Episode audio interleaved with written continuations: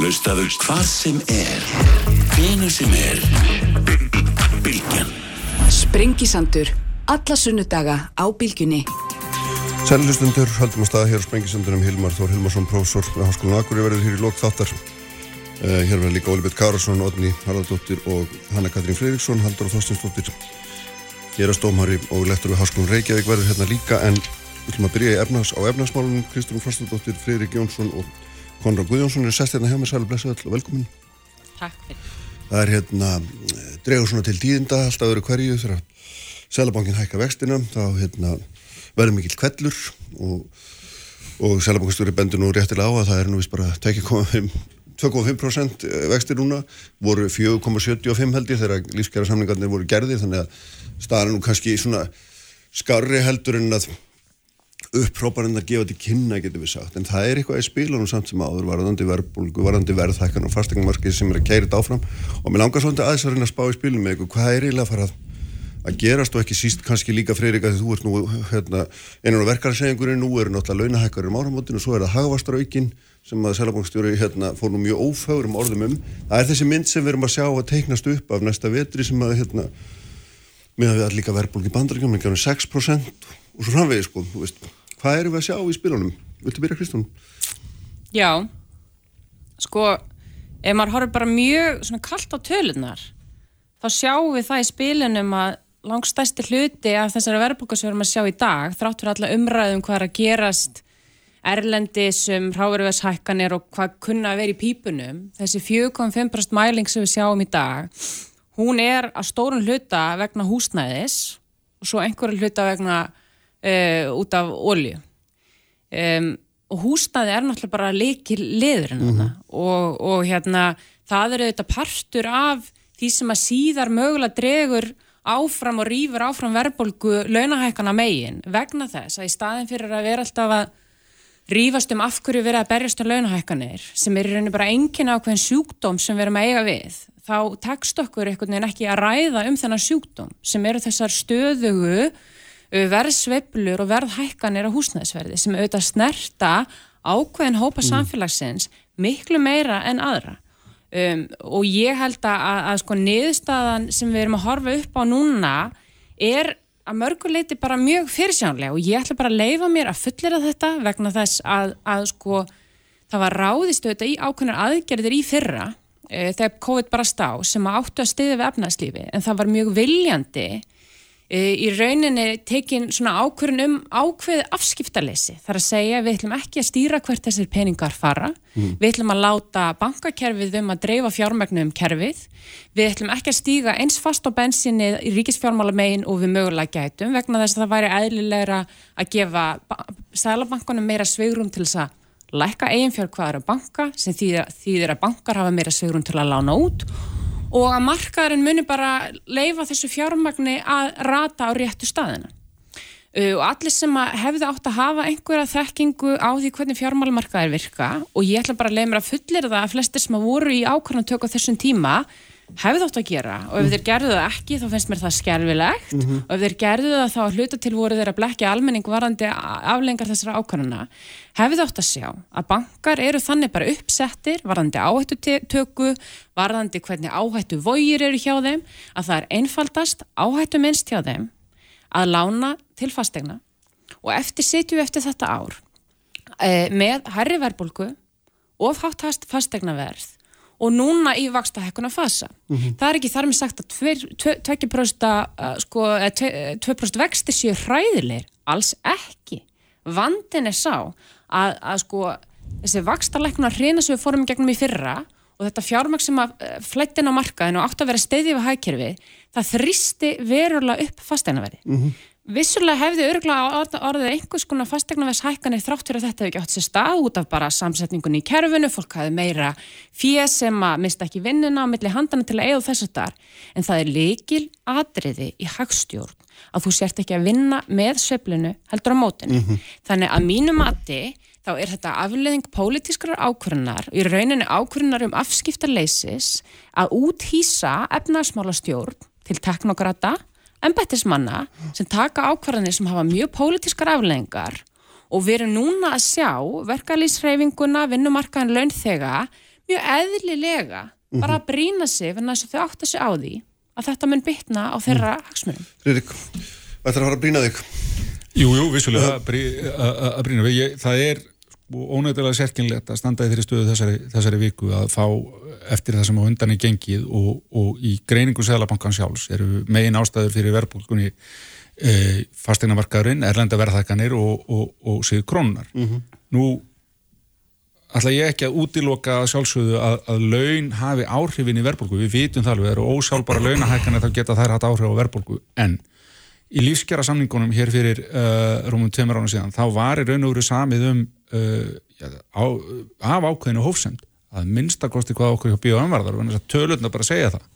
Uh, það var samið um uh, áherslu á króntöluhækkanir, samið um leiðréttingu til handa þeirra lægslönu sérstaklega með áherslu á lálöna uh, kvennastéttir. Það var að bera árangur. Nú heyri svo söngur þessi, þessi samningur hafi verið allt og dýr og allt og vondur og, og hafi haft afleitar uh, afleiðingar. Það er mjög erfitt fyrir mig að setja það sem ég sitt uh, fyrir hann BOM og bara horfa á tölurnar hvaða, hvaða hérna, kaupmáttaraukningu við höfum verið að fá við erum mjög einfallega í þeirri stöðu að í ljósi verðbólkuþróunar núna á síðustu tveimur árum og vantra verðbólkuþróunar er það að við sitjum uppi með jafnvel mögulega neikvæðan kaupmátt í, í, í, í, í lók þessa kjærasamnistímanbíl Þannig að þegar ég fæ síðan einhverja holskeiplífum frá Sæðlabankastjóra um, um það við séum óabyrg, mm -hmm. þá náttúrulega staldra ég aðeins við. Uh, og, uh, og við þurfum líka að horfa á hvernig markmiðum voru, en eins og ég segi, ég, nú er okkur við sem að Konrad með komið aðeins annan vinkil á þetta, en, en launin og launathróunin hefur ekki verið uh, megin parturinn í verðbólguþróunin undanfarið. Mm -hmm. Þannig að það er í lægi að hækka þau núna um áramótinu og áfram. Svo, svo er það náttúrulega annað mál uh, og, og, og hérna verði ég náttúrulega kannski aðeins að stiga varlega og aðeins búin að koma í klandur, klandur nú þegar þegar ég sjálfur svona horfa þennan hagvastarauka sem byggir á ákveðnum forsendum er ekki hluti að BOM samningum right. Þannig að ég er þá að tala uh, tala um hluti sem er í samningum hjá, hjá ASI hérna, félögum. Forsendunar baka hagvastaraukan er það, jú ef það er að hagvastur umfram ákveðið þá er, er starfsmennu njóta þess, það er gott koncept. Það er bara fínt, við múum að gera meira þessu og gera það inn í, jável inn í inn í atvinnuvegum, ákveðum atvinnuvegum að það gengur vel, vestlunin til dæmis geti vel uh, eflaust gert betur við sitt fólk, hún er ekki til að tapa neinu á, á, á þessum varaldri en þegar út með þessa viðmiðun og eins og er í samningunum þá miða við ár frá ári, þá tæknilega er það rétt að því á hagvesti þess árs, þá miða við hvernig samningurinn hljómar, mm -hmm. þá áttur rétt að hagvastrauka, en ef þú horfir frá upphafi samningsins, þá er ekki búið að bæta upp samdráttin sem var það síðast ári mm -hmm. ég, fyrir mitt leiti hugsa bara, já ok, er það skinsanlegt að þú ætlir að vera bara harður á þessu núna um áramótunum, þú ætlir að fá uh, prósundahækkununa eða launahækkununa þína pluss hagvastrauka sama hvað og þú ert að fara að byrja á næsta ári í samningavirðaðum við þennan gagnaðila. Mm -hmm. átti ekki eftir að koma í baki á þér Eða, og fyrir mig frá BHM við erum ekki með þennan hafastrauka að því að núna eru við augljóslega á þenn stað að launahækkanir ósálbara launahækkanir gætu þá farað að spila stærri þátt sem þeir hafa ekki gert hinga til. Þurfum við ekki aðeins að staldra við hugsa og er ekki líka betra að setjast niður og tala saman áður en við förum í upprómarinnar það er nú kannski það sem ég vildi tala fyrir líka. Mm -hmm. Já, uh, einmitt, þetta er mjög fróðulegt og þetta er, sko, ég, ég myndi segja að þetta sé allt saman svona, kannski aðeins flóknar en verist í festu, varnandi sem að Kristofn var að tala um með hagstjórnuna, mm. eitt stórt atrið sem við erum að muna líka, að það er að við erum að koma miklu betur út úr þessum faraldri, heldur en nokkur þorða að vona einu fyrir árið síðan og því til dæmis maður nefna að fyrir árið síðan og Sæðlabankin að gera ráð fyrir að yfir þessi tvö ár, þetta ár og síðasta ár, þá er samdrátturinn millir 6 og 7%. Það er komað í ljós að hann verður uh, með að við spá Sæðlabanka sinna við 3% og svona á þess að fara ómikið að tæknilega þá get ég vel trúa því að spá Sæðlabanka sé að vann með þetta hagvægst í ár. Þannig að heilt yfir er þetta að koma miklu betur mm -hmm. út og þá náttúrulega eðlilega býr það til aukin verðbólgu þrýsting sem er einhverju litið koma fram á fastegnumarkaði uh, veist, vextin eru sennilega einn stærsta ástæðan fyrir þessari þróun sem við séð þar undafarið en það er samt ákveðin hvað maður segja, mótsögn í því að það sé að lásta því að við skoðum löndin í kringum okkur þar sem var ekki hægt að lækka vexti svona mikið og ég vil eitthvað ekki neitt að þar hefur fastegnaverð hækkað alveg jafn mikið og hérna. Þannig að ég, ég held að þú veist ef við myndum spóla tilbaka og við hefum lækkað vexti eitt tölvöld minna, mm -hmm. ég vil ekki neitt og þá hefur við samt séð mikla hækkanar fastegnaverði vegna þess að fólk er búið að breyta neysluminstri sínu svo rosalega mikið faraldrinum. Það er búið að spara meira og svo, uh, og, og svo ertu fólki. Mhm. bara, þú veist, fólk er bara fast heima og hugsa, heyrðu, ég væri til að hafa einu auka skrifstu og allt þetta. Uh, þetta er kannski svona En þetta gerist ekki svona verkefni fyrir- hratt, er það? hvað segir þau? Þetta gerist ekki svona hratt að þessi kreppa nú bara eins og hálsás þetta gerist strax. Menna, veist, ég, ég, ég er lifandi dæmi um ok, fólk sem um að tók ákvörðun á fastegnumarkað út af breytingum á faraldrinum. Óháð vöxtum. Já.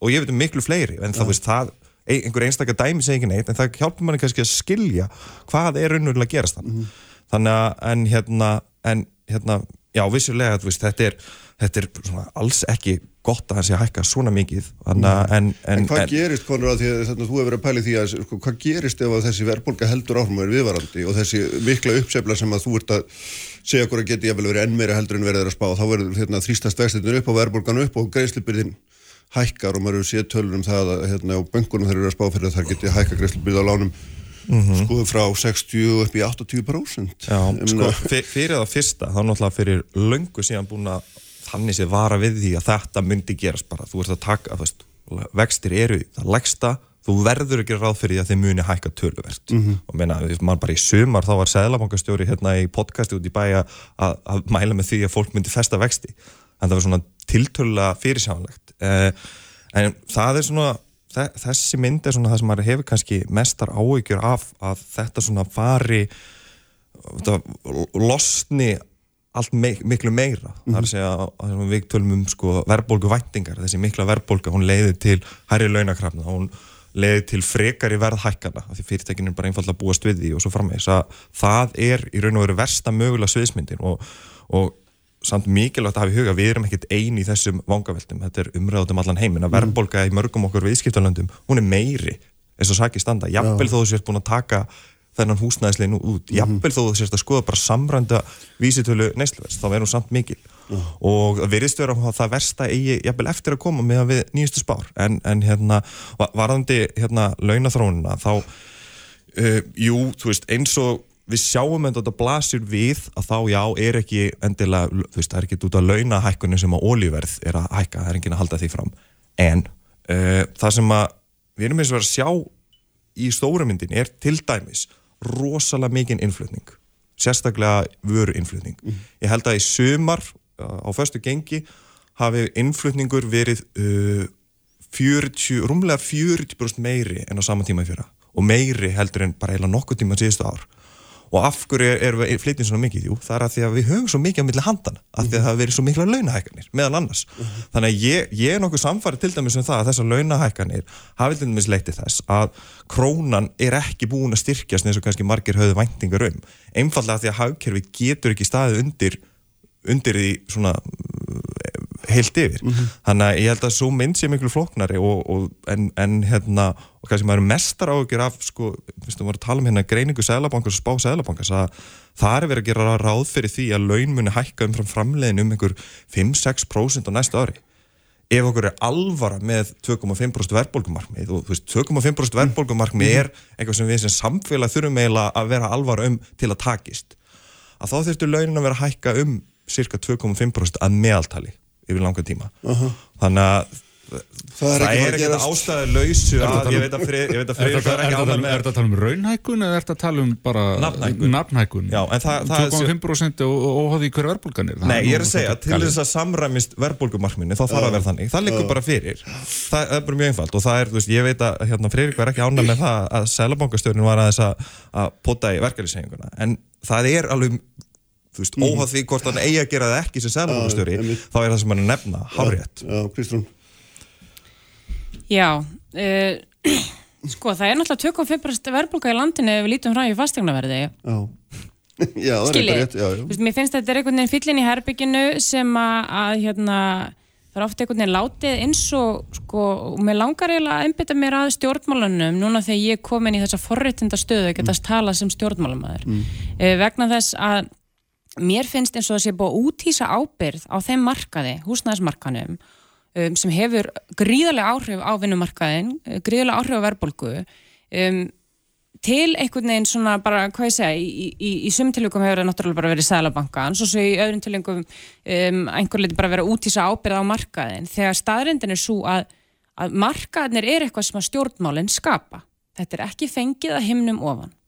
Og við hljótum átt okkar á því að það hefur bara ekki verið rekin almenni húsnæðistafna hér undarfarna áratvíi og ég segi þetta sérstaklega vegna þess að sko stjórnvöld og núverandi ríkistjórn hefur verið að reykja sér af því að aldrei hafi fleiri komist inn á húsnæðismarkaðin í fyrra, aldrei hafi vextir verið lægri, það er talað eins og þetta hafi verið húsnæðistefna mm. að það hafi skapast hér kreppu ástand sem hafi kyrt niður vexti í neikvæða raunvexti, gert að verkum allt fjármagn, flættin á fastegnamarkaðin, er þetta húsnæðistefna að það skapist tímabundi ástand fyrir þá sem að eiga tímabundi eifi, af því að það auðvitað er rétt að sem Konrad segir, fullt af fólki sem nýtti sér þetta ástand en sko það er fullt af fólki sem gerði það ekki. Mm -hmm. og nú setjum við fram með fyrir því, eh, fram fyrir því að sko vextir munu fara hækkandi sem er einhver leiti ekkert óeðlilegt. Á þeim tíma mun fastegna verða ekkert lækka á móti, markaðurinn virkar ekkert þannig.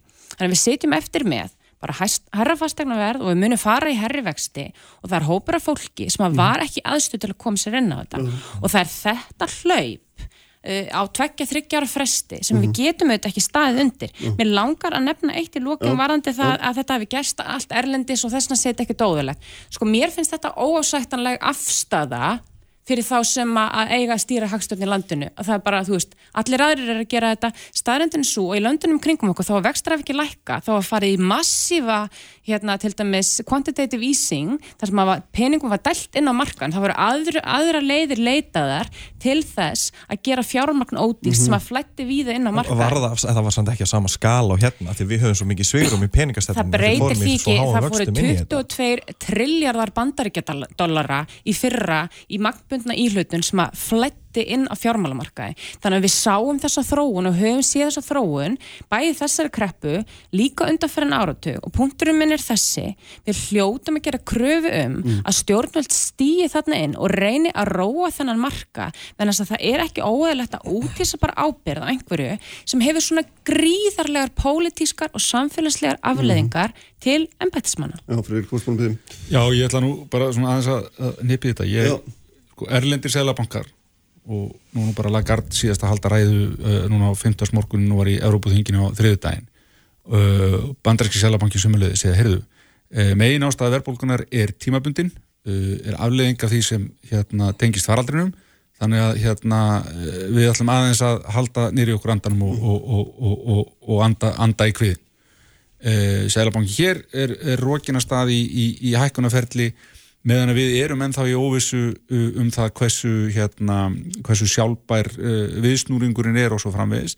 Þannig að þess vegna saði ég nú í fréttum hér fyrir vikunni að þetta, þetta líkta nú pínu af ákveðinni töðveiklun. Það væri nú allt í lagi aðeins að halda neyri sér andarum og, og sjá hvernig þetta var. Nú með töðvarandi fastegnamálinn, við, Kristján, við erum nú báðir af þeim aldrei að við erum búin að sjá ímislegt á íslenskum fastegnamarkaði hér á síðustu, síðustu 30 árum. Og í bankarhununu hér eh, 2008 að þá beinlinis reyndar lækkaði fastegnaverð og bara verulega uh, og þá þurftu nú að fara í allskýrsleirreitningar og æfingar út af því. Mun, mun það gerast núna, ég veit ekki en ég hef alltaf ágjur af því þegar að sko, hækkan þetta núna bera, að, bera með sér að þær séu ósálbærar uh, það er líka soldið ógljótt og hérna skiptir líka ásinn máli þegar þú ert farin að fá þá tilfinningunni að fasteignarsalar með böngunum er búin að vera í svona einhverjum samheilum darraðadansi að tala upp markaðin á, á, á undan, undanförnum árum sami bankin er kannski bak, á, á bakvið tilbúð uh, já, allra þeirra sem er að bjóða í sama húsnæði, húsnæði. Og, hérna, og það er alltaf lægi að því að veðheimildir hér, bankana hér eru ótakmarkaðar mm. þú, þú lánar einhvern fyrir húsnæði það og það stendur ekki undir í veðinu og þá bara gengur öllum eignum við, við komandi út, út í heið óandela þannig að það eru ákveðni kvatar hérna sem eru sem að sletti pínu pervers. Mm -hmm. ég er svolítið hættur um það, jú, all right. Norm, normið væri þannig að það sem leðir eitthvað fastegnamarkað myndi gerast þannig að hækkarindar fastegnar hægt að hækka e, og verðbólkan getu upp. En við höfum upplefað áður að, að þetta falli tilbaka og í, síðan í þriðarlagi aftur þar kemur það okkur á, á vinnumarkaðum ég held að rétt eins og allir er að býða eftir í því að verði hér nýja ríkistjórn og þing komið saman og lausagöngu þingmanna ljúki uh, þá býðu við eftir því verklæðisenguna að við getum farið að eiga alveg samtal við stjórnvöldum framaldið. Það verður ekki mm. verið fundur í þjóðasaráði í fleiri mánuði uh, síðan, í, síðan í byrjun september og þá var það um, um umhverfismál þannig að við þurfum að fara að taka samtal og rætt hvernig við ætlum að taka á þessum áskorun til, Mhm. til, til, til uh, skemmri og lengri tíma Já, en það, það er náttúrulega þannig að er það ekki að, að þeir sem þarf að hafa ágjur eru þeir sem eru með lág laun og svo framvegis og eru að horfa upp á hækkandi greiðslubyrði og þau, einhvern veginn, enn og aftur sittur fólk í súpunni og unga fólki okkar, Já, nýjir og markaði? Já, Sko, ég hérna, já, þetta er náttúrulega svona sí endur tekið þema, er það ekki? Eh, jú, að það þarf núna, þú veist, ég þú veist, maður svona telur niður þá einhvern lengur fyrir að tala um leiðréttingu. Ég- bara Guð forði okkur frá svoleiðis æfingum aftur, en skulum við svo sem ekki fara út í það, sko, ég held að, þú veist, til þess að kannski í eitt skipti fyrir öll, ef það er í eitt skipti fyrir öll hægt að ná einhverjum, segja, böndum á markað sem er í eðli sínu uh, bara út af eiginleikum hans uh, mjög flókin viðregnar hvort sem það er bara sem lausbeislaði markaður eða mjög stránt reguleraður og þú veist, jú, ég sk- ég- ég skil alveg hvað Kristofn er að segja að þau þurfum meiri húsnæði stefnu og ég teki sjálfu sér alveg undir, undir þar sko, en ég held að sé megum samt ekki gera okkur einhver vonur um það að við farum eitthvað auka ofnbæri inngrip að það sé endilega að fara að- búa til jafnvægi, því að ef maður skoðar sögulega ofnbæri inngrip á markanum þá hafa þau eitthvað er bara leitt til meiri hækkana og meiri óstöðuleika en það sem ég held að við ættum að gera að því að, veist, já, það er alveg eðlilegt mér að þetta er sennilega mikilvægast hérna, markaðurinn á landin í mínum huga, þetta er stæðsla neysluvar og stæðsta fjárfesting flesta, hei, flestra heimila að, að þá, þú veist, er alveg eðlilegt að ríkið fylgist með þessu og hafi mótið sér einhver stefnu og ef að á að fara í stuðning þá held ég að við hljótum að fara loksins að vera búin að læra það að hann á ekki að vera til mín og til okkar hérna sem erum að kaupa fasteg til að þess eins að við getum greitt hæra verð. Hann á að fara í að leysa raunverulega vandamálið sem er þak yfir höfuð og, og það er ekki, leysir ekki með því að láta einhvern fá pening til að kaupa íbúð það leysir með því að láta byggja íbúðir. Og það er það sem við þurfum held ég að fara færa allan fókusin á er þessi uppbygging. Og ég veit að Kristúrun er sammála með þar. Og, og það er líka svo mikilvægt að því að þú getur verið í svo skrítinni stöðu eins og 2019 það verður að tala um rosalega uppsafnaðan skort bara einhvern mörg þúsund íbúður á sama tíma tók yfir 200 daga að selja nýjar íbúður sem að ég- þú veist það kannski er flókið að segja hvað er ástæðan er en ég held að eitt stóri lærdomunum því er að það er mjög mikilvægt að frambóði komi fram nokkuð jamt og þétt. Uh, það er, þú veist, ríki getur kannski gert eitthvað í því en ég held líka bara að byggingaræðalar og sveitafjölu þau þurfa líka að, að taka ábyrð á því. Kristrún, þú ætlaður að Já, Konrad botnaði þetta svo vel að ég var að sammála hann í lokin sko, en, en hann rammaði þetta mörguleiti mjög vel inn en þess að staðrindin er svo að ofinber yngripp hér frá því að til dæmis félagslega húsnæðskerfi var stórnundar lagt niður fyrir aldamótin þau hafa verið stór hættuleg. Og ég nefni þetta verðan þess að við erum núna með einn stjórnarflokk um, sem að hefur talað mikið fyrir uh, úrræðum á kaupindarliðinni 95% lánum um, sem að eiga að vera hlutildarlán sem að vilja fyrir að víka aftur út. Og mér langar bara að vitna í sko stjórnarsáttmála 2003 á sín tíma þar sem að 90% lánin hjá íbúðalansjónu voru kynnt til sögunar fyrst fyrir tekjulega en síðan var ákveðið bara að leifa öllum á landinu að taka 90% lán. Þannig að þetta er, er hérna pólitist vinsæl Mm. að, að dreifa peningum til allra. Og þetta hefur í gegnum tíðina um, verið í trekk í trekk farið þessa leið og þetta er mjög, mjög alveglega leið að stiðja á kaupmyndahliðinni þannig að við getum ekki farið þessa leið og það hefur margóft verið sínt fram að mikilvægi þess að við stiðjum við uppbyggingarliðina það þarf að, að margfald að stopp fram lög í óhagnaði drifi húsnæði til þess að skapa ákveð akkari á markanum og mér langar að segja vanandi en að blessa markað og hans er bara svona eitthvað, er oft talað á ennskunni svona animal spirit sko, ég vil bara fá ítrykka sem ég sagði náðan það er við sem sköpum markaðin sko. þetta kemur ekki himnum ofan, þetta er ákveð regluverk sem við setjum og við höfum leift í að þróast á veg, þá vegu að húsnæðismarkaðin þróast með fjármálasveiflunni. Þannig að hann þróast með hversu mikið bankar eru tilbúin að lána til frambóðs og hversu mikið eru tilbúin að lána til eftirspurnar. Hann þróast ekki með fólksfjölgun fyrst og fremst, hann þróast með fjármálasveiflunni. Og sko fyrir mér og fyrir þau pólitísku sjónami og líka efnaðslu sjónami sem ég tala fyrir þá finnst mér húsnæði ekki vera eins og hver önnur vara á markaði. Þetta er samfélagsleg vara þú veist, við erum að reyna að reyka samfélagina og það er ekkit óæðilegt við það að ríki skapi eðlir ramma sem kemur í vekk fyrir það að það geti gusast inn fjármagn á markaðin sem að tækifæri fyrir ákveðna aðila og skilja aðra eftir í súpunni. Þannig að við verðum að fara að vera með stærri mynd á húsnæðismarkaðin því samingi Friðrik, Þú ætlar að koma að staði hérna, eitt leið og tekur máls hérna, sko, að því að það var, það var talað á þingi viskutaráðsins um að vinnumarkaðurinn var hinn tíndi hlekkur hérna, í hagstjórninni. Nú, nú ok, að, að Conrad, getur þú þessu útskilt fyrir mig, hvernig, hvernig er ég týnd í lekkurinn? Ég, bara, þú veist á- á- á- ég, veit, ég, ég, að ég er elstur og með skekk og svona, þannig að- það, það er bara, þú veist, að því að var kannski sem tengja það sem ég að segja áðan með það, þetta 2,5% verðbólgumarkmið, sko, til að gangi upp þá þurfa allir Já, að vinna akkurat, já. Ríkið hefur allavega bætt sig og veist, er, veist, er allavega held ég meðvitað um það, Sælabankin hefur bætt sig en það er þarna, eins og ég var að nefna með þessum launahækkunum, sem standast ekki þetta verðbólgumarkmið, Já, einmitt. þannig að þá er mú okkur spurt, er vinnumarkaðin týndi hlekkurinn? Ég, já, ég get nú sagt að ég er nú reyndar að vera að reyna að tala fyrir því að- að að- að menn beiti öðrum vinnubröðum á vinnumarkaðið mitt og, og, og, og, hérna, og tala fyrir því að menn ég nú byrja að tala saman strax og semja helst samningar eigi að taka við að samningum við séum ekki í þessu ruggli hér að helst byrjum en ekki að tala saman fyrir samningar eru runnur út. Amen. hér eru sko yfir 330 ykkur hérna, sjálfstæðir hérna, samningar á markaði.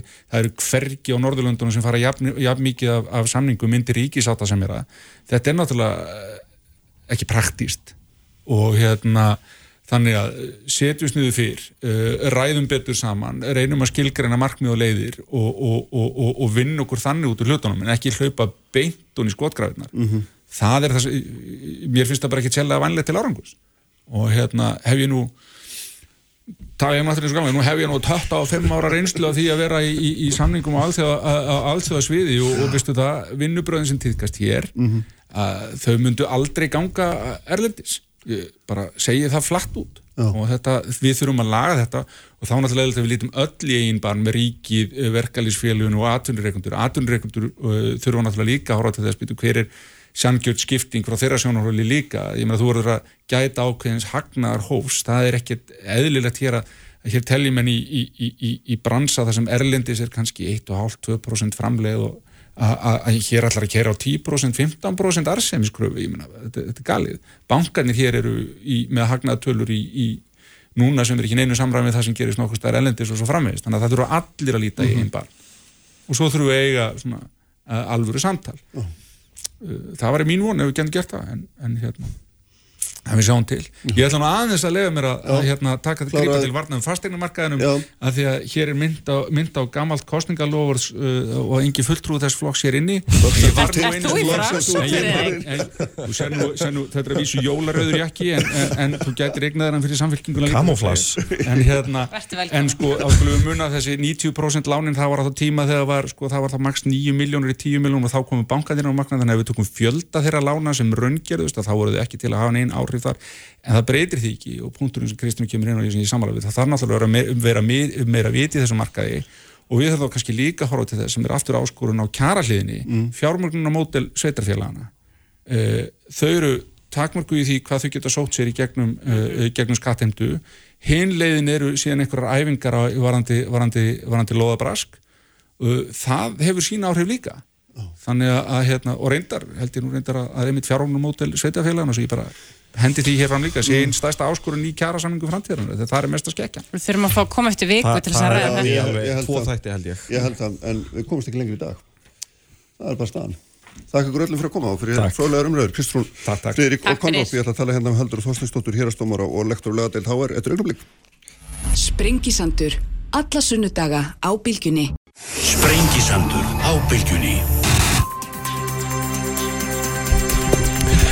Særi hlustendur, uh, þau eru farin frá mér Kristrún Frastadóttir, Konrad Guðjónsson og Friðrik Jónsson uh, eftir umræður hér um efnars stjórnina, um húsnæðismarkaðin, vextina, verðbólgun og allt þetta sem er framöndan við sjóldöndarhingin. Ég ætla hér að skipta alveg um gýr, uh, fara í mál sem ég var reyndar að ræði síðustu viku og búin að ræða ofta á undanförnum vikum og mánuðum og það er þessi Það er þessar deilur sem er um, um hvernig ná að höndla og ræða um kynf- kynferðis, ofbeldismál og öllum stærðum og gerðum og, og hérna, já og hérna svona margt sem að, mjög margt sem að liggur þar undir og hún er sest hérna hjá mér Halldóra Þorstinsdóttir sem er hérastómari og lektor við lagadeild Háskólands í Reykjavík, sæla blessuð og velkomin. Sæll, takk. Uh, sko þú hefur verið að fjalla náttúrulega mikið um þessi mál beint og óbeint, þú hefur fjallað um tjáningafrelsi og friðilgi engalífsins og þú hefur líka verið að skrifa um, hérna, um margt svona þegar tengist þessum málum um, um hvernig svona réttarkerfi spila saman við réttlætis kend fólks og allt þetta. Svo en, hérna, sko, það sem að maður svona sér í þessu og væri gaman að fá það eins til þess að ávarpa er, sko, það er einhver gjá hérna á milli, ef maður kalla það réttlætiskendar og svo dóma. Það er einhver svona tilfinning hjá held ég bara ansi mörgum að dómstólar náu ekki að framfylgja réttlætun í þessum tiltekna brotaflokki sem hefur verið svo mikill umræðu við alveg frá hvernig var MeToo að byrja 2017, 18 eða hvernig það var sko. Meina, hvað finnst þér? Er það, er það rétt tilfinning eða? Ég held að hérna gjáin sé kannski já, um margt of stór eða byggð á, ég ætla ekki að segja miskilningi af því að þessi máli eru bara erfið og það er ekki hægt að segja eh, ég held að sko það sem að hefur gerst er að þetta er svo mikið rætt í svona áforsi og hérna og þetta er orðið það mikið hittamál og tilfinningamál að við erum alltaf að komast kannski svona um, jáfnvel þótt þessi góð vilji að ræða þessi málu en þá erum við að koma svolítið langt frá kjarnanum sko. Þetta er orðið svolítið eins og einhverjum hérna, einhver tvö lið sem etja kappi og þá er auðvitað blasi við að þú nærð ekki að innangra viðfásefnið nógu vel. Um, þessi umræði er ekkit rætt á, á upplýstum grundvelli e- ef, þú- ef þú spyrir mig. Og þá Já. er ég að tala um hvað þetta varðar uh, að því þú spurðir um sko rétt að veitund almennings. Ef að almenningur sæi um, nákvæmlega, væri með allar upplýsingar fyrir fram að sig. Hvað hefur gerst á undanfjöndum árum og áratugum? Hvernig þetta hefur breyst? Hvernig eh, við höfum svona auki við réttindi brotaþóla hvernig eh, dómar hafa og refsingar hafa verið að þingjast eh, hvernig við höfum breytt lagabústafnum í það átt að betur um bæta þetta kerfi mm. þólandum til hagsbúta eh, hvernig svona kerfið heldur utan um þessi mál? Þá og ef við, rættum þetta mjög svona upplýstum grundvelli að þá held ég að við myndum færast nærði að skilja af hverju hlutinir eru eins og þeir eru. Það er að segja af hverju ekki allir sæta dómi. Um, en um leið að þá myndum við draga úr þessari gjá vegna þess að það koma þá á daginn um, upplýsingar sem að ég, ég held að fólk fengi þá meira tilfinningu fyrir þessu og sagði já, heyrðu, það er nú kannski ástæði fyrir þessu og hinnu og svo hafa þessi mál verið að breytast mjög þannig að þessi gjáfíst, eins og ég upplifa hana í umræðinni, þessi polarisera umræða Já. það sem að því ég bara slegið förstu að hérna réttakerfi hafi bröðist þólundum að þá finnst mér svo gaggrinni ósangjöld og ekki byggður réttum upplýsingum en vel að merkja að auðvita hérna betur má að duga skal og ég held að við, þetta er bara mál sem að við eigum að sína aðhald á hverjum tímapunkti Já. en, en ég held að það sé heppilegt og líka bara fyrir kerfið til þess að geta já, náð betri árangri til þess að geta hort á næstu kynnslóðir og, og vona að það sé þá kannski enn betri staðu uppi þá.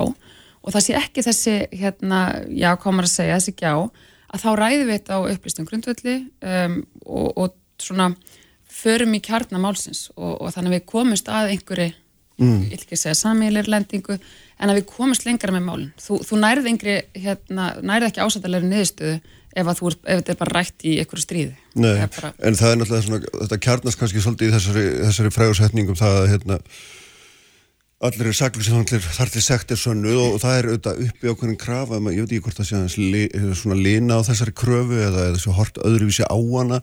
En það heldur sé augljóslega hluta þess að hérna, hún er of hún þvælist fyrir. Hún er er og- grundvallar regla og það er engin beð Já. um hún verið afnumin en samt er hún hún er flókin í þessu tilviki og þvælist flókin. fyrir og, og málið það við erum, þessi regla er auðvitað bara meðal grundvallar réttinda sakbortninga og við búum við það kerfi að hér bæði löggefin, stjórnarskóggefin e, þeir mannrætta sammála sem við erum aðalar að í Ískaríkið e, samkvæmt þeim og auðvitað mannrætta sammála Európu eins og flestir eru nú fættir að þekka úr umræðinni að það er bara mælt fyrir um þennan skýlusa rétt og e, hvað sem líður vilja trú, upplifun þeirra sem starfa í kerfinu, þá þurfa þeir alltaf að hafa þessa reglu bak vera vegna þess að þetta er reglan sem að uh, hún er ekki búin til bara til þess að þjóna hagsmunum réttakerfisins, hún er gerð til þess að þjóna hagsmunum borgarans.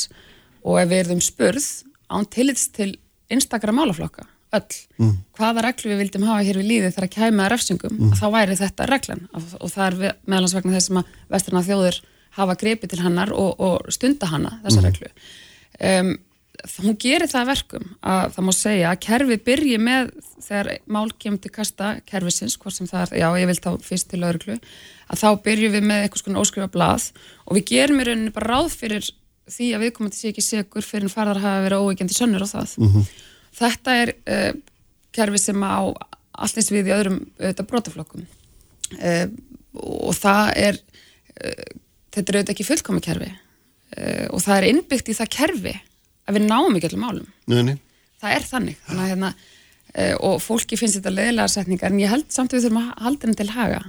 Við, ég trú því að við getum rætt þessi kynfyrsbót, við getum komist lengra við getum eh, stuðlað aukni fræðslu uh, gripið inn í þetta svona til þess að reyna að koma betur til móts við almenning og bara brota þóla þetta. Mm -hmm. Án þess að við kannski verpum fyrir róða þessar reglu. Að við, og við, við, okkur er ekki stætt á því. Að hérna, Nei, en, en á móti getur maður líka sagt sko að við vitum það að mörgum rannsóknum bæði hérlendis og erlendis að gríðalegu fjöldi málar sem að kannski leikur ekkit opbúrslega mikill vafi og hafi verið eins og lístir fer aldrei alla leið. Að kemst ekki gegnum lauruglana, er ekki kærður. Þó að hann er kærður þá er um hérna þá er við komin til síknaður sko, já, það hefur hérna, ef maður skoða bara dómafranga til heima og, og, og þetta bara í í bara svo tökum að því ég er búin að skoða á Norðurlöndunum og hvern, hvernig þetta virkar í Európu það er allstaðar við þetta sama ef við getum kallað vandamál etja að það eru þetta þannig að það er miklu fleiri mál kærð heldur en að rata, já, bara fyrst alveg eru ákærð og síðan og, og rata þar með að fjöru dónstóla og svo dæmd refsing.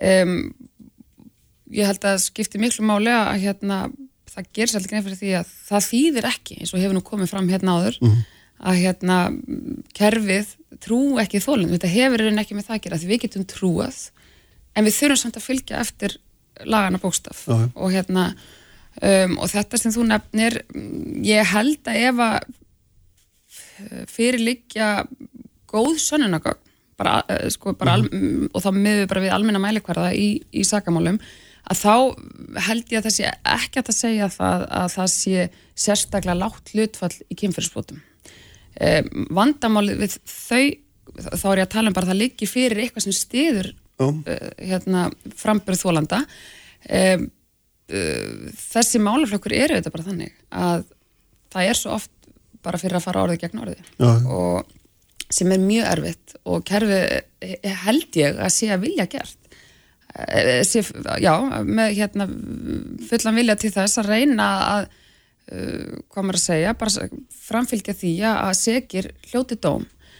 En við komumst ekki yfir þenn, þenn, þessa staðarind að, að hérna, oft er þetta bara orð gegn orði og það er mjög erfitt að dæma á þeim grundvöld nema öðru sér fyrir að fara. Já, þegar, að- þegar að aðrir skoða þetta kerfi en lögfræðingar, til dæmis mm. kynjafræðingar þá er algengt að hérna, og minnst á sér nokkur rannsókn sem ég hef svona lesið af einhverjum hlutaði held að, hérna, að þeir komast að því að, að það er einhver svona fyrirstaða inn í kerfinu sem er, við getum kallað hana kallæga eða eitthvað þess aftar, skilur það er einhver svona, eins og var orðað einu stað réttindi kalla eru herri en hvenna þú veist, réttur gerandans er herri heldur en þólandans, það er eitthvað með þannig.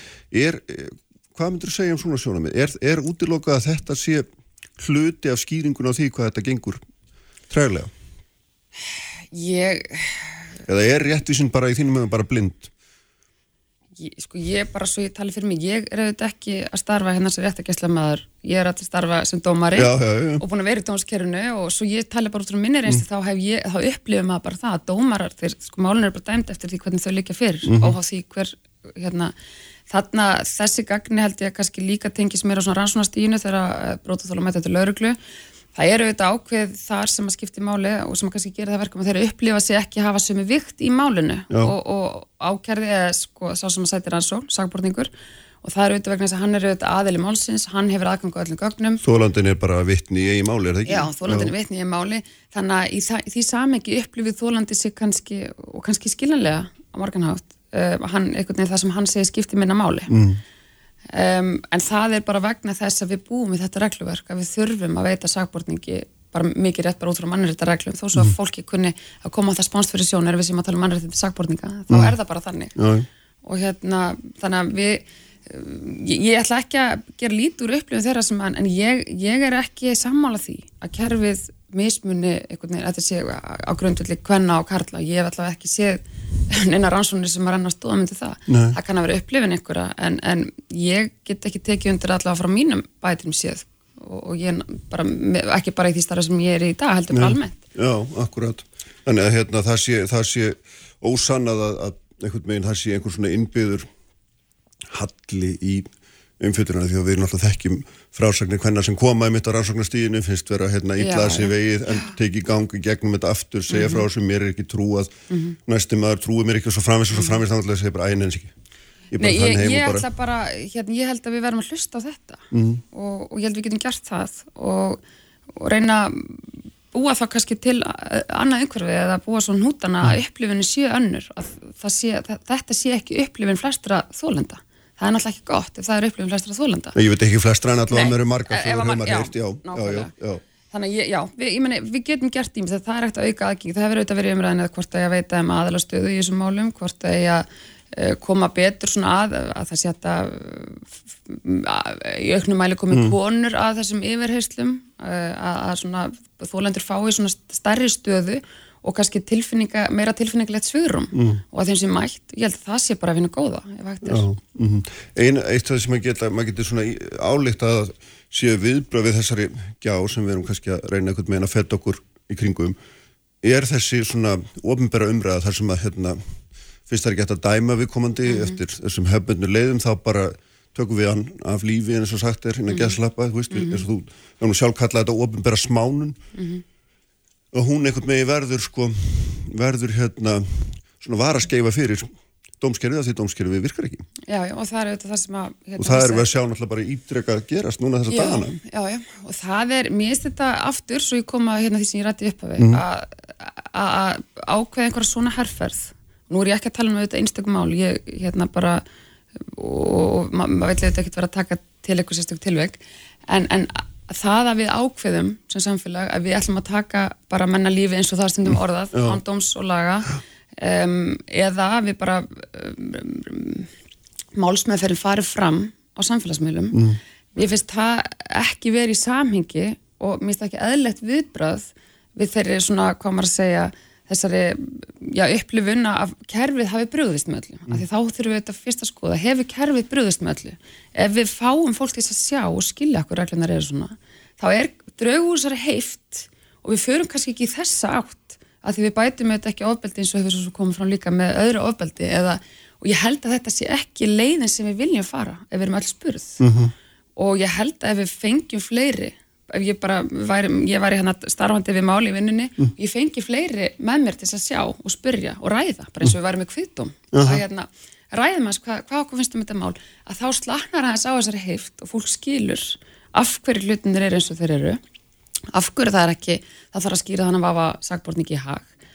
Um, og, og með því myndum við fá, hvað ég segja, svona sangjarnari eða málefnalegri viðbrað ég held að við hljótum að geta bröðist öðruvísi við heldur en að það sé þessi svakalega gjá og að við ákveðum bara að segja öllu stríð á hendur og, og ofinbera allar sögur, sama hversu litlar sem það eru, það eru ekkit við auðvitað erum með réttláta málsmeðferð fyrir dómi.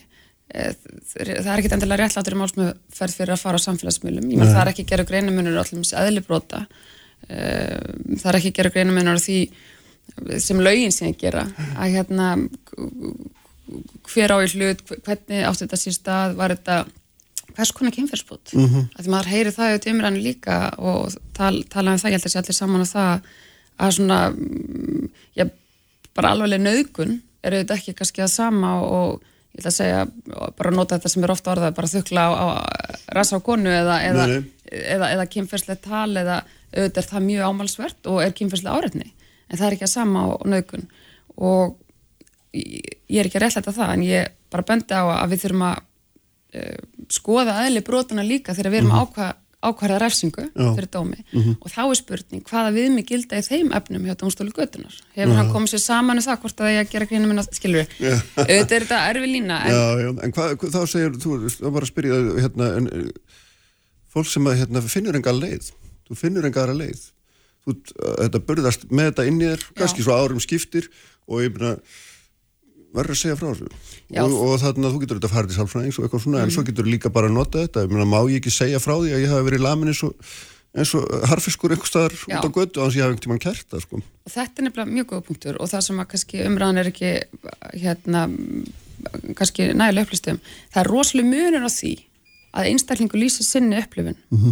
Ef við horfum á dómafranganda því við erum að tala um líka breytingar á dómafrangand að þá er það þannig í þessum tjóningafræðismálum að ég bæði við horfum á dómafrangatina heima og bara í Evrópu hjá marrættadúrstólum þá er þólendum í auknum mæli ég held að mig sjá það í dómafrangand e, játað frelsi til þess að tjá sem sína upplifun. Án þess að eiga hættu að vera kærða fyrir rángasakagildir eða geta svo svo verið kærðar en það mál nær ekki fram að ganga. Nei.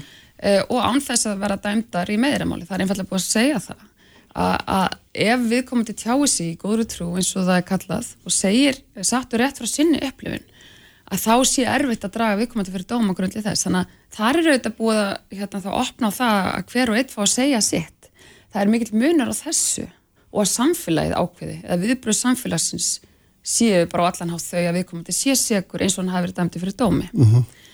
Auðvitað þarf að skoða hvert mál fyrir sig. En, en, en línan er svo að það er munur á þessu tönnu að við getum ekki að, að bara til þessi fjölmilar slá fastri sagt manna Já. á þess að dómi sér fyrir að fara. Það er mikill munur á því og svo að þólandi segi sína sögu. Já. Það Þannig að sá sem hefur hérna, orði fyrir einhverju að upplifa eitthvað, hann á fulla rétt á því að segja þá sögu, en um leið og ég tek undir hann og hef ekki séð neitt og veit neitt og þekki bara seginu sögu, þá get ég orðið sem sagt, Já, ég, ég meina að þú fara að dreifa henni, ég meina það er Já, eitt að þú, þú já. trúir, eh, hún, þú Já, já. trúir henni og því ræðið þetta bara í, í Já, já. en að þú síðan fara að dreifa sögunni og fjallum hann ofinbarlega, Mhm. að þá getur þú verið hérna dreifin fyrir dómagrund til æru með enga, já, um, á meðan hún er það ekki, Mhm. þólandi. já, Þannig að hérna, en aftur, það þarf að skoða hvert við tilug fyrir sig. Það þarf auðvitað að vera, það er gerðan á svona ákveðna kröfu til þess að þólandi sé, að þetta sé hérna, sér stóður raunveruleikanum og allt þetta, sko. Það er fer fram svona einhver skoðun á því, en, en í grunninn er þetta svona. já. Þannig, en þetta er ekkit, hérna, auðvelt mál. Nei, þetta er ekki einfalt og svo, svo höfum við mál, hérna, þú sagður og vildi ekki tala um ákveði mál, en við skulum bara samt hérna nefna eitt af því að síðan var þegar hérna fjölmiðill fréttablaði sagði að það var hérna í einhver hverfi reykja íbúð, sér útbúin til nöðgana.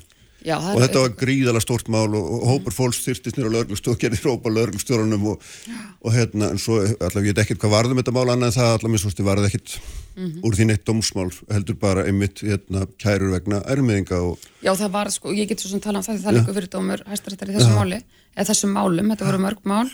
Um, og þarna var um, já, já, þarna voru greitt dæmdar miskabætur og þetta hefði verið svona æru meðandi aðdróttum mm um, og þá á grundli þess að þarna hefur slegið fram ásökunum um resavera hátsemi, það hefur fullirt En hefur fjölmiðlinn ekki einhver, einhverjar svona aukin réttindi til þess að draga álíktanar af þeim svona hérna, heimildum sem hann hefur? Sko fjölmiðlar þetta hafa ríkt frelsi til þess að tjá sig og, og, en þegar þú talar um heimildi þá þarf við þetta að afla, sko það er ekki þetta hoppa bara fyrstu heimild sem þú farið eða fyrstu orðrón Aha.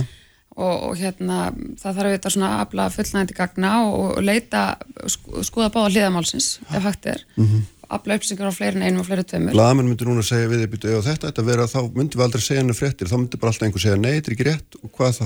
Já sko það er rosalega mikil munur á því til dæmis að tala bara um hvað er að gerast hjá hérna í stjórnaráðinu eða hjá einhver ráðanetti og þú er kannski með einhvern orró með eitthvað og fjallan er það um, og þarf kannski ekki að vera með allar heimildir upp á 120% sko eða síðan að fara að fjallum ræsuvera hátsimi og, og bera mönnum á brín eða konum að hafa vera með íbúð sér útbúna til nöðgan alltaf það er rosalega munur á þessu þannig að þetta er, og ég meina það er mm, bara tjáningaflæsi blaman er mjög ríkt en það, og, og ef að umræðin og ef að ummælni er erindi í þjóðfélagsumræðina þá er það mjög ríkt. Já, það er ekki spurning og, og það er, má segja að hérna, auðvitað minni kröfur gerðar þar til heimildöfnunar en ef þú ætlar að, að fara að fjalla um sem er einstaklinga og svona slá því fastu í fjölmjölum mm. að, sem driftir við það að hérna viðkomandi hafi gert segur um eitthvað brot að þá verður þá eru gerða til því mjög alveg sérstaklega ríkar sannunarkröfur og ríkari jáfnveg þá svo sitt blaðum þá þarftu samt að setja þér auðvitað bara hlutverk rannsakatan og við vitum þetta blaðum að gera það mm. þannig að mál, þegar málin er af þessum toga þá er það auðvitað allt annað en, en hérna það þeir út að fjallum pólitíkus eða eitthvað Já, því já. síðan er þetta blaðmenn vanda höndum að því að menn, og maður sér það allir núna í bylginni, það er ákall um þetta að blaðmenn fjallum hinn á þessa frásögna blaðmenn síðan vilja halda þessu höndum vegna þess að þeir vilja skoða máli betur og vilja ekki fara að stað með eitthvað sem maður síðan reynist kannski ekki sáttur rétt og það er auðvitað mjög skiljanlegt mm. af því það eru faglegar kröfur gerða til já, að, hérna, að, leitast við að leiða hið, svona sann á rétt af, eh, í ljós og, og segja sáttur rétt frá. Þannig að ég, ég og blaðamenn er mjög erfiður stöðu núna þegar samfélagsmiðlanir sko loga og það er fullt af sögum þar. Hvenær eiga sko blaðamennir að fara að segja frá sögunum bara grunn til þess að þessu að dreifa því sem er komið fram á samfélagsmiðlum. Já, Þannig að þetta er, þetta er mjög, þetta er, hérna, mjög flókið og, og marga spurningar og, en ég segi nú bara svona þetta sem ég var að tala um í, hérna, í ingangnum að um, ég held að við gætum mætt um, svona þetta er eins og að sko þú ætlar að sætta sko forsjármál til dæmis. Og, og, og, og það er mi- mikla deilur og hortóanir og hérna og það er ekki hægt að ræða málin. En þú nærð mögulega komast eitthvað lengur og þokast eitthvað með málið þegar þú færið aðalega til að skilja hliðgagnaðalans þegar við mætumst og, og hérna, getum sett okkur í spór hins ég, og, og nú er ég ekki að tala um gerend og þólendur, ég er að tala bara um umræðin svona, hún er svo polariserið Já. í sikur áttinni ef við getum talað um þetta af aðeins meiri málunnileg heitum, að þá er ég ekki frá því að við getum kannski komast lengra heldur en, heldur en svona uh, er vísir að eins og umræðinu núna já, akkurat. En það er samt sem áður myndi vera, er það ekki rétt álita hjá mér að, að þú myndir svona geta fallist á það að það þurfi samt að gera betur í þessum málflokki, ég meina, eða hvað? Jú, ég held að, sko, gera, ég held að sko, við getum við getum náttúrulega ekki raut úr vegi þessar, þessum grundvallarreglum um sakleisinsætti sönnu og þessar reglur og sönnuna byrða ákjæruvaldsins eh, ákjæruvaldið þarf að sína fram á það svo hafi séu skynsalega vafa að mm. ákjæra hafi gerð segur um það brot sem honum gefa sög um, við, ég held að sem við getum gert er auðvitað í málafannum í heilsin, ekki bara hvernig þetta er hjá lauruglunni og rannsóknu, þar getum við gert ímislegt, við getum aukið, ég allavega gert hvað við getum til þess að auka á eða upplifin þólanda sé betri enn sem lýsa, ef það er hægt. Um, svo hefur við bara að taka þetta lengra. Aukin fræðsla, við erum að tala um hérna, kent lífsleikni í skólum og íms mm svona samfélagsleg áletefni getum við farið með þetta þangað, ég meina við erum með þessi klám umræða, þú veist, það er svo margt sem að Já, já. hérna, Það er margt sem liggur undir í þessu þetta og það sem er kannski svona vandin í þessu er að við erum að fást annars vegar eitthvað svona menningilegt fyrirbreyði sem að kannski getur sagt tegið sér aldrei aftur í tíman. Hins vegar ertu með dómskerri sem segir alltaf, heyrðu, þetta er bara hvert mál, er bara sér eining, Já, það já. þarf að líta nákvæmlega á sönnugagn í því og það má ekki fara út fyrir það. Nei. Dómarum ekki alltaf að trúa neinum, heldur á hann bara að horfa blind á það hvað hann getur sannað eða til þess að Já, hvað sé eiginlega- sannað. Þannig að þetta er líka einhver svona, Já, já, og, og þetta má kannski taka fram eitthvað sem er áhugavert og hefur sjáum til mér í Nóri að þar hefur verið, hafa verið svona gerða meiri tilhörnir til þess að um, það sé að dæma þá, það er ekkit útilokað að fá engaréttar, fara í engarétt, máli engaréttarlegum mm. sagt við komum til síknaður í, í sakamáli og, og að þólandi farið þá í, í skabótamál einfallega. Uh, í Nóri hafa reynt þetta að, sagt, dæma samhliða því að þú- viðkomandi mögulega síknaður í, í sakamáli að dæma þó refsi, nei, einhverjættar kröfum, skadabætur til handaþólanda byggt á að því að það sé uh, yfirgnefandi líkur á að, þannig að þannig að sönnurfæslan er ekki jafnrík sem Nei, sagt. og, og það er þannig auðvitað í, s- sko, í skadabótamálum og þá er dómar í þeim stællingum annars verið að dæma í, í hérna, sakamálunu, mm. þar sem eru mjög ríka sannakröfur og svo í engamálunu, þar sem að það eru minni. Um, viljum við fara þessa leið, þetta hefur alveg valdið vandræðum í, hérna, af því að hvenar alltaf þú síðan að geta sagt í skabótamálunu eins og gert til heimilt í Norri eða þeirri, þeim hlutamálsins að þú ætlar að dæma bætur án þess þó að segja að, sem dómari að við komum að sé segur af því þú mátt ekki segja sé segur að, hérna, en þarna, þetta sýnir samt. og síknar eftir alltaf að segja að við komum að hafa ekki gert það Auðvitað. við borðið á brín Já. en hvernig getur það dæmt bætur Algjörlega. Og þetta sýnir samt sko og mér, ég er áfram um að því sé aldrei til haga að auðvitað er allstað verið að leita leiða til þess að við náum kannski mætum betur þólendum af því við vitum að þetta er erfið sönnabyrði kerfið er ekki fullkomið um, en við verðum leiðirna verða að vera raunhafar og við verðum að hérna, gerum hvað við getum mm. án þess þó að við förum hérna að þverbrjóta stjórnarská og mannrættasáttmála þannig að ég held að það sé við þurfum að ræða þetta meiri yfirvögun Já, það? Herri, það var gott fyrst að skrifa það átt hjá okkur. Eða ekki? Jú, mjög gott. Takk fyrir að koma aldra. Takk. Og þau verða hérna Olbit Kárasson, Otni Harðar og Hanna Katrín Freyríksson eftir augnablik. Sprengisandur á bylgjunni. Kraftmikil umræða alla sunnudaga. Sprengisandur á bylgjunni.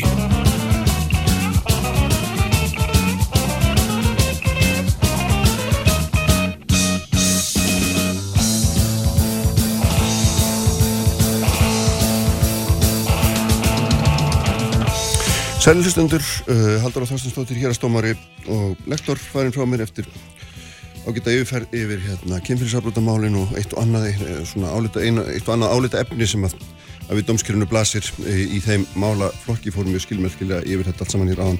E, Hilmar Þór Hilmarsson, professor í Háskólan Akureyri verður hérna í lok þáttarinn sestur hjá mér, Odni Haraldóttir, Olbjörn Kárasson og Hanna Katrín Freiriksson sem eru all, alþingismenn og konur, alþingisfólk, alþingismanneskjur. Verið velkomin. Takk, takk fyrir. Uh, hérna, uh, það er svo sem eitt og annað undir, uh, sjáum hvað við komast í gegn, hérna, Odni mér langar aðeins að byrja í mílu með þér, vegna þess að, að þú hefur svona verið hvað, uh, hérna, ofinskáðast um það getur við sagt að, og þú sagt að hérna, þú hafið ágjörðið því náðu ekki að ræða þetta í þinginum, Hva, hvað er það svona nákvæmlega sem að, hérna, hvað er það nákvæmlega sem þú vilt tala um? Sko, mér finnst mikilvægt að við áttum okkur á hvað míla er. Já, og það er þannig að það eru þrýr sæstrengir sem að tengjast landinu og síðan tekum við ringtenging Já. og í þessari ringtengingu sem það er út um all land eru áttastrengir, fimm þeirra eru í eigu mílu og þrýr eru í eigu NATO. En míla sér um reksturinn og viðhald á öllum strengjónum. Þannig að, að starfsinni minn er undirstaða fyrir öll fjarskipti í rauninni eða flest fjarskipti bara á landinu sem verða alltaf mikilvægur og mikilvægur eftir sem Já. að tæknilin flegi Já. fram Já. og ef það verður rof á þessum, þessari ringtengingu Mhm. með einhverjum hætti þá var það þjóðaröryggi það var þar efnahægin okkar varnir og, og almannahag Mhm. en er, er eitthvað sérstak ástæðið til þess að ætla að það verði núna þrátt fyrir, Núna- eða, með þessar sölu sem sagt, eftir að halda því fram með það, eða hvað? Þessi sala Mhm. er að fara í gegn með laga umhverfið okkar mjög vannbúið. Það er verið að, að undibúa heildalög um mikilvæga innviði í fósættisraðaneytinu, það er ekki tilbúið, Sá, það frumvarp er ekki tilbúið, kemur um áramótin, eitthvað svo leiðis.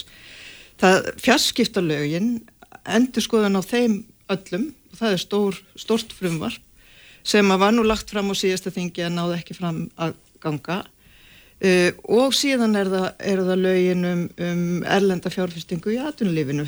Við eigum þar lög frá 1991 og það er líka verið að endur skoða þann, þann hérna lagaborg þannig að þessi sala á þessum innviðum sem eru mjög mikilvægir Já, og varða þjóðaröryggi, það er bara ofum deilt. Hún er að fara í gegn með lagaumhverfi svona ófullnægjandi eins og það er. Þess vegna hef ég lagt áherslu á það að það verði sett skilirði sem að ve- verja þjóðaröryggi og verja almannahag og, og löginu auðvitað skoðuð og kannski þarf að bakka upp þessu skilirði með, eh, með ykkurum breytingum og lögum. Já, þannig að Það- það er, það er samt hægt að gera það á grundvelli þessara gildandilaga, það þarf ekki að býða eftir því að nýja verið samþygt.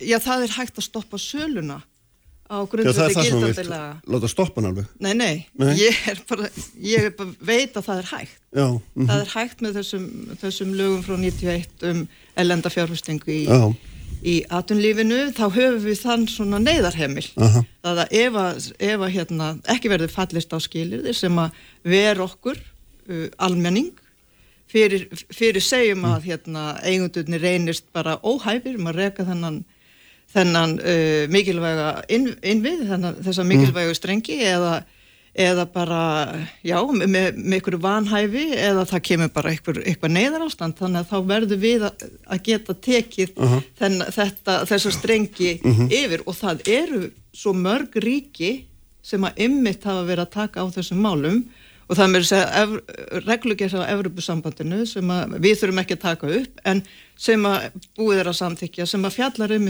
um það að hvað miklu leiti hægt er að útvista svona mikilvægum innviðum og að hvað miklu leiti erlendir aðilar geta ráðið yfir þeim enda er það augljóst að ef að við erum búin að missa algjörlega tökinn á ykkurum innviðir sem að stendur undir e, svona mikilvægri starfsemi að þá felst í því ógn fyrir samfélagið og við verðum að verja okkur fyrir þeirri ó- ógn. Við getum gert skilirði fyrir 17. desember Já, já, akkurat, já, já. og, og, og það, við erum nú að detta inn í desember núna og við erum ekki farin að sjá, sjá neitt. En auðvitað þegar að svona mikilvægt uh, mikilvægir innviðir eru til umræðu þá verður alþingi Íslandinga að fá að fjalla um þau. Óli, hvernig blasir þetta við þér? Já, í sjálfsvegar er ekkert að gerast. Ok. Það er ekkert að gerast, nei, ég menna það er, nei, við skulum bara hafa, sko, koma þess hérna að síðan löggjöfin en, en bara hafa það á hreinu. Sko, breyting á eignarhaldi breytir í sjálfu sér engu um stöðuna. Mm -hmm. Hvorki út frá þjóðaröryggi eða neitt slíkt. Hvort að hér eru um franskan fjárfestingaraðilega eða íslenskan er í sjálfu sér aukaðatrið í mínum huga. Aðalatrið er þetta. Míla starfar á grundvelli íslenskara laga og verður að uppfylla íslenska kröfur um samkeppnis, hvað, samkeppnislög, fjarskiptalög og svo framvegis. Og telji íslensk stjórnvöld, þingmenn þára meðal, hérna ástæðu til að skerpa það og þá er það eðlilegt að gera það. Þannig að við skulum aðeins hérna hafa þetta í huga. Og það sem að mér finnst líka gleðilegt í þessu er að það hefur verið að taka í sundur uh, annars vegar innviða fjárfestinguna, Mílu og hins vegar fjarskipta fyrirtæki, þjónustu fyrirtæki Síman. Og ég hef ástæðu til að ætla, eða hef svona vonir, um það að þess, þessi gjörningur muni annars vegar leiða til aukina samkefni mm -hmm. til hagsmuna, hagsmuna og þar með eru það hagsmunir neytenda okkar Íslendinga á fjarskiptamarkaði.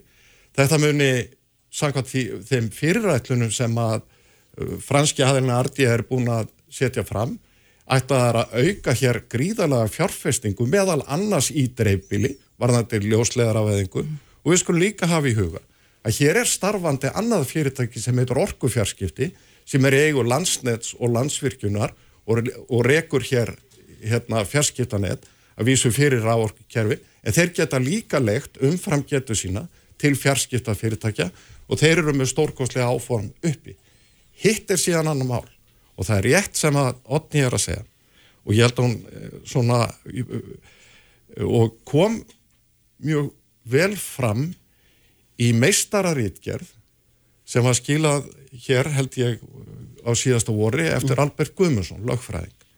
Það sem að hann bendir á að okkur Íslandingum skortir lögjöf er varðar skimun eða ríni á fjárfestingum er kemur að þjóðarörgi.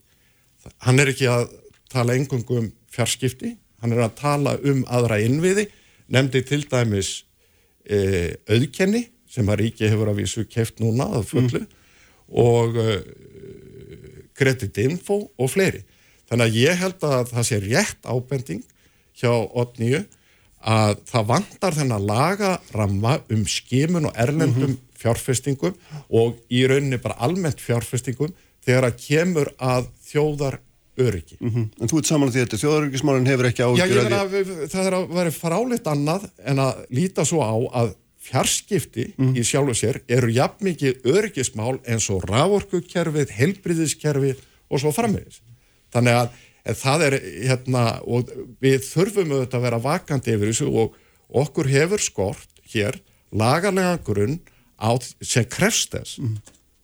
að það sé farið fram hér viðtakar skimanir á fjárfestingum í innviðum mm -hmm.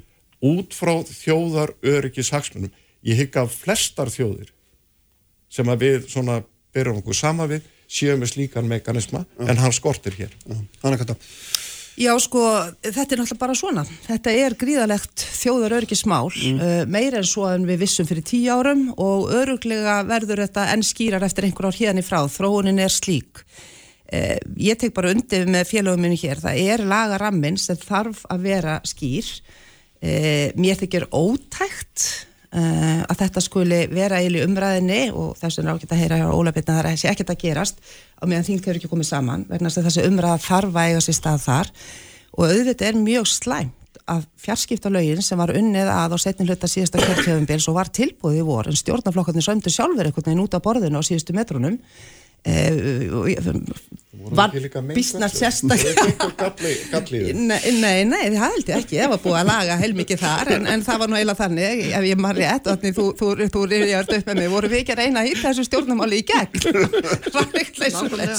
en það var hérna, það voru nú svo sem ekki eina, eina máli sem þannig fórum, en allavega, hérna, grínlaust, þá, þá þurfa þessi lög, sömu lögum innviðina og, hérna, við þurfum að hafa þetta til staðar, því að það þarna sem að hlutirnir, það verður passa upp á hlutirna og þarna sem hlutir fara úrskeiðis ef þeir fara úrskeiðis, ekki endilega eh, nákvæmlega hver heldur á eigninni. hvað er að- það nákvæmlega sem þarf að, hvað er það nákvæmlega sem að þarf að passa? Það þarf að gæta þessi að þessar, eh, þessir innviðir verði í íslensku lögsögu, það þarf að ríkja gegnsæju um hverju hennu raunverulega eigendur eru, það þarf að vera alveg skýrt mál hvert hlutverk, hverja skildur og ábyrði þeirra sem eiga þessar hluti eru og það þarf að vera alveg skýrt hvaða tækifæri eða möguleika eh, ríki fyrir höndi íslensku almennings á að stíga inn í ef að hlutinni fara úrskeiðis og það má ekki taka einhvern óra tíma, menn það þarf bara að vera einhver neyðar Er, þetta er svona allt fjárvinandi í þessum laga, lögum sem við erum að styðjast við núna á þessu sviði. Já.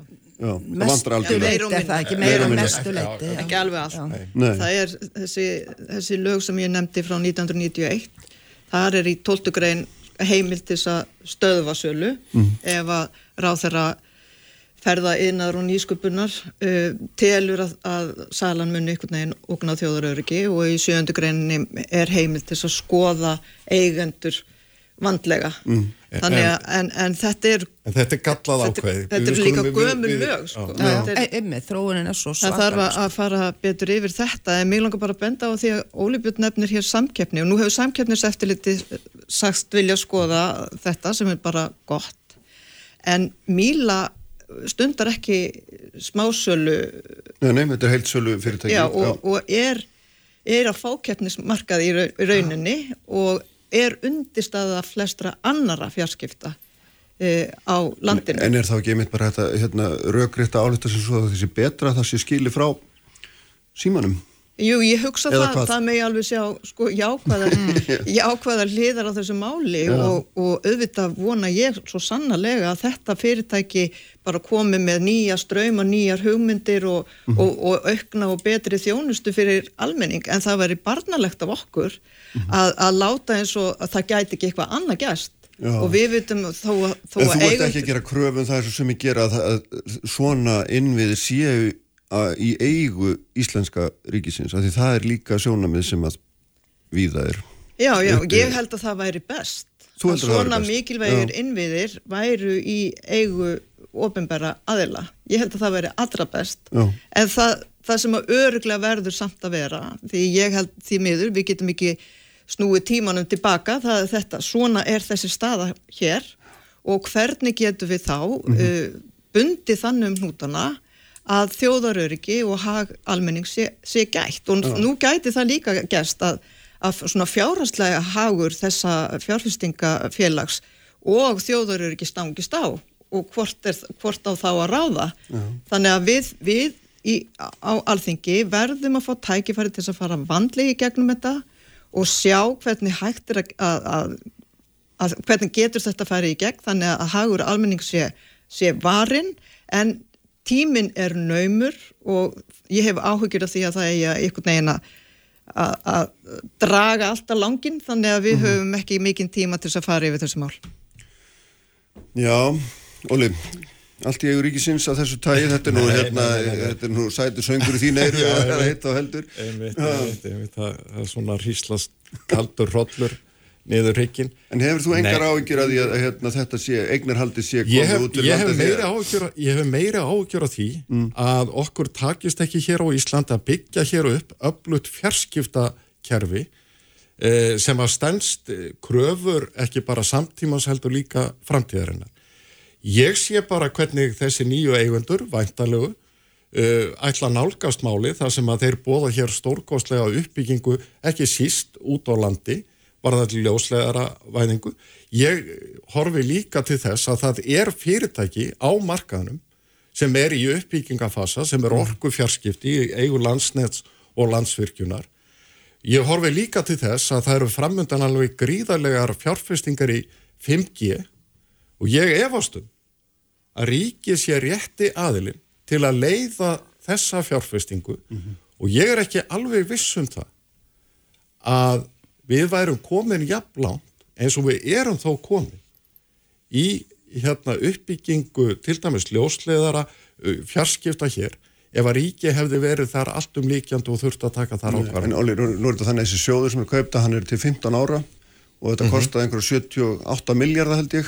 Já, heildar- heildarverðmæti, já. Já, er það og vantlega ætlaði nú að ná því tilbaka Ég- innan þess tímabils myndi ég halda auk þess að hafa, hafa einhverja auðra út úr Ég- þessu. ég bara geng út frá því að Já. enginn fari í slíka fjárfestingu öðru sem að gera eftir ákveðna arsemi sko. Nei, ég Ég- segi það en ég minna hva, hvaðan á svo arð sem að koma ef hún á ekki að koma því að hérna að, að, að, að já, auðvitað, auka businessin með fjárfstingum en líka vantlega einhverjum verðhækkunum það hlýtur eiginlega bara ég- líki hlutunum sem Nei, nei, akkur segir verðhækkunum Ég er bara, Ég- ég- ég, er að velta með hvaðan ég- þessi ég- sem ég að koma Nei, heyrðu, ég menna að það hefur auðvitað verið ákveðin arsemi til staðar og ég, sko, ég, er bara að segja ég sé ekki betur heldur en að framöndan sé aukin samkjöfn og fjarskiptamarkaði vegna þessara breytinga. Og aftur sem skiptir mestu máli það er engar gangi þessi kaup í gegn. E, þá eru engar þær breytingar að verða hér sem að ógna þjóðar öryggi e, fyrirtæki Míla starfar á grundvelli íslenskar laga. Mun gera það áfram. Og ef að Íslensk stjórnvöld telja að það þurfi að herða regluverkið e, með einhverjum hætti að það voru allir möguleikar til þess hér eftir sem hinga til. Alveg ofá því hvort að fyrirtæki er áfram í eigu símas eða í eigu þessa erlenda aðila sem notabene hefur líka óskað eftir því að íslenski lífeyrissjóðir taki þátt í fjárfestingu. Þeir vilja semst fá íslenska lífeyrissjóði með sér í þenna, þessa uppbyggingu sem að þeir líta á að sé skilda þeirra. Þannig að ég sé bara tækifæri í þessu en aftur er það rétt að okkur skortir lagaramman til þess að framkoma hér rýni, skimun á fjárfestingu þegar að kemur að þjóðaröryggi. Þá ekki bara um fjarskipti, þá líka við um jarðir og svo framvegis.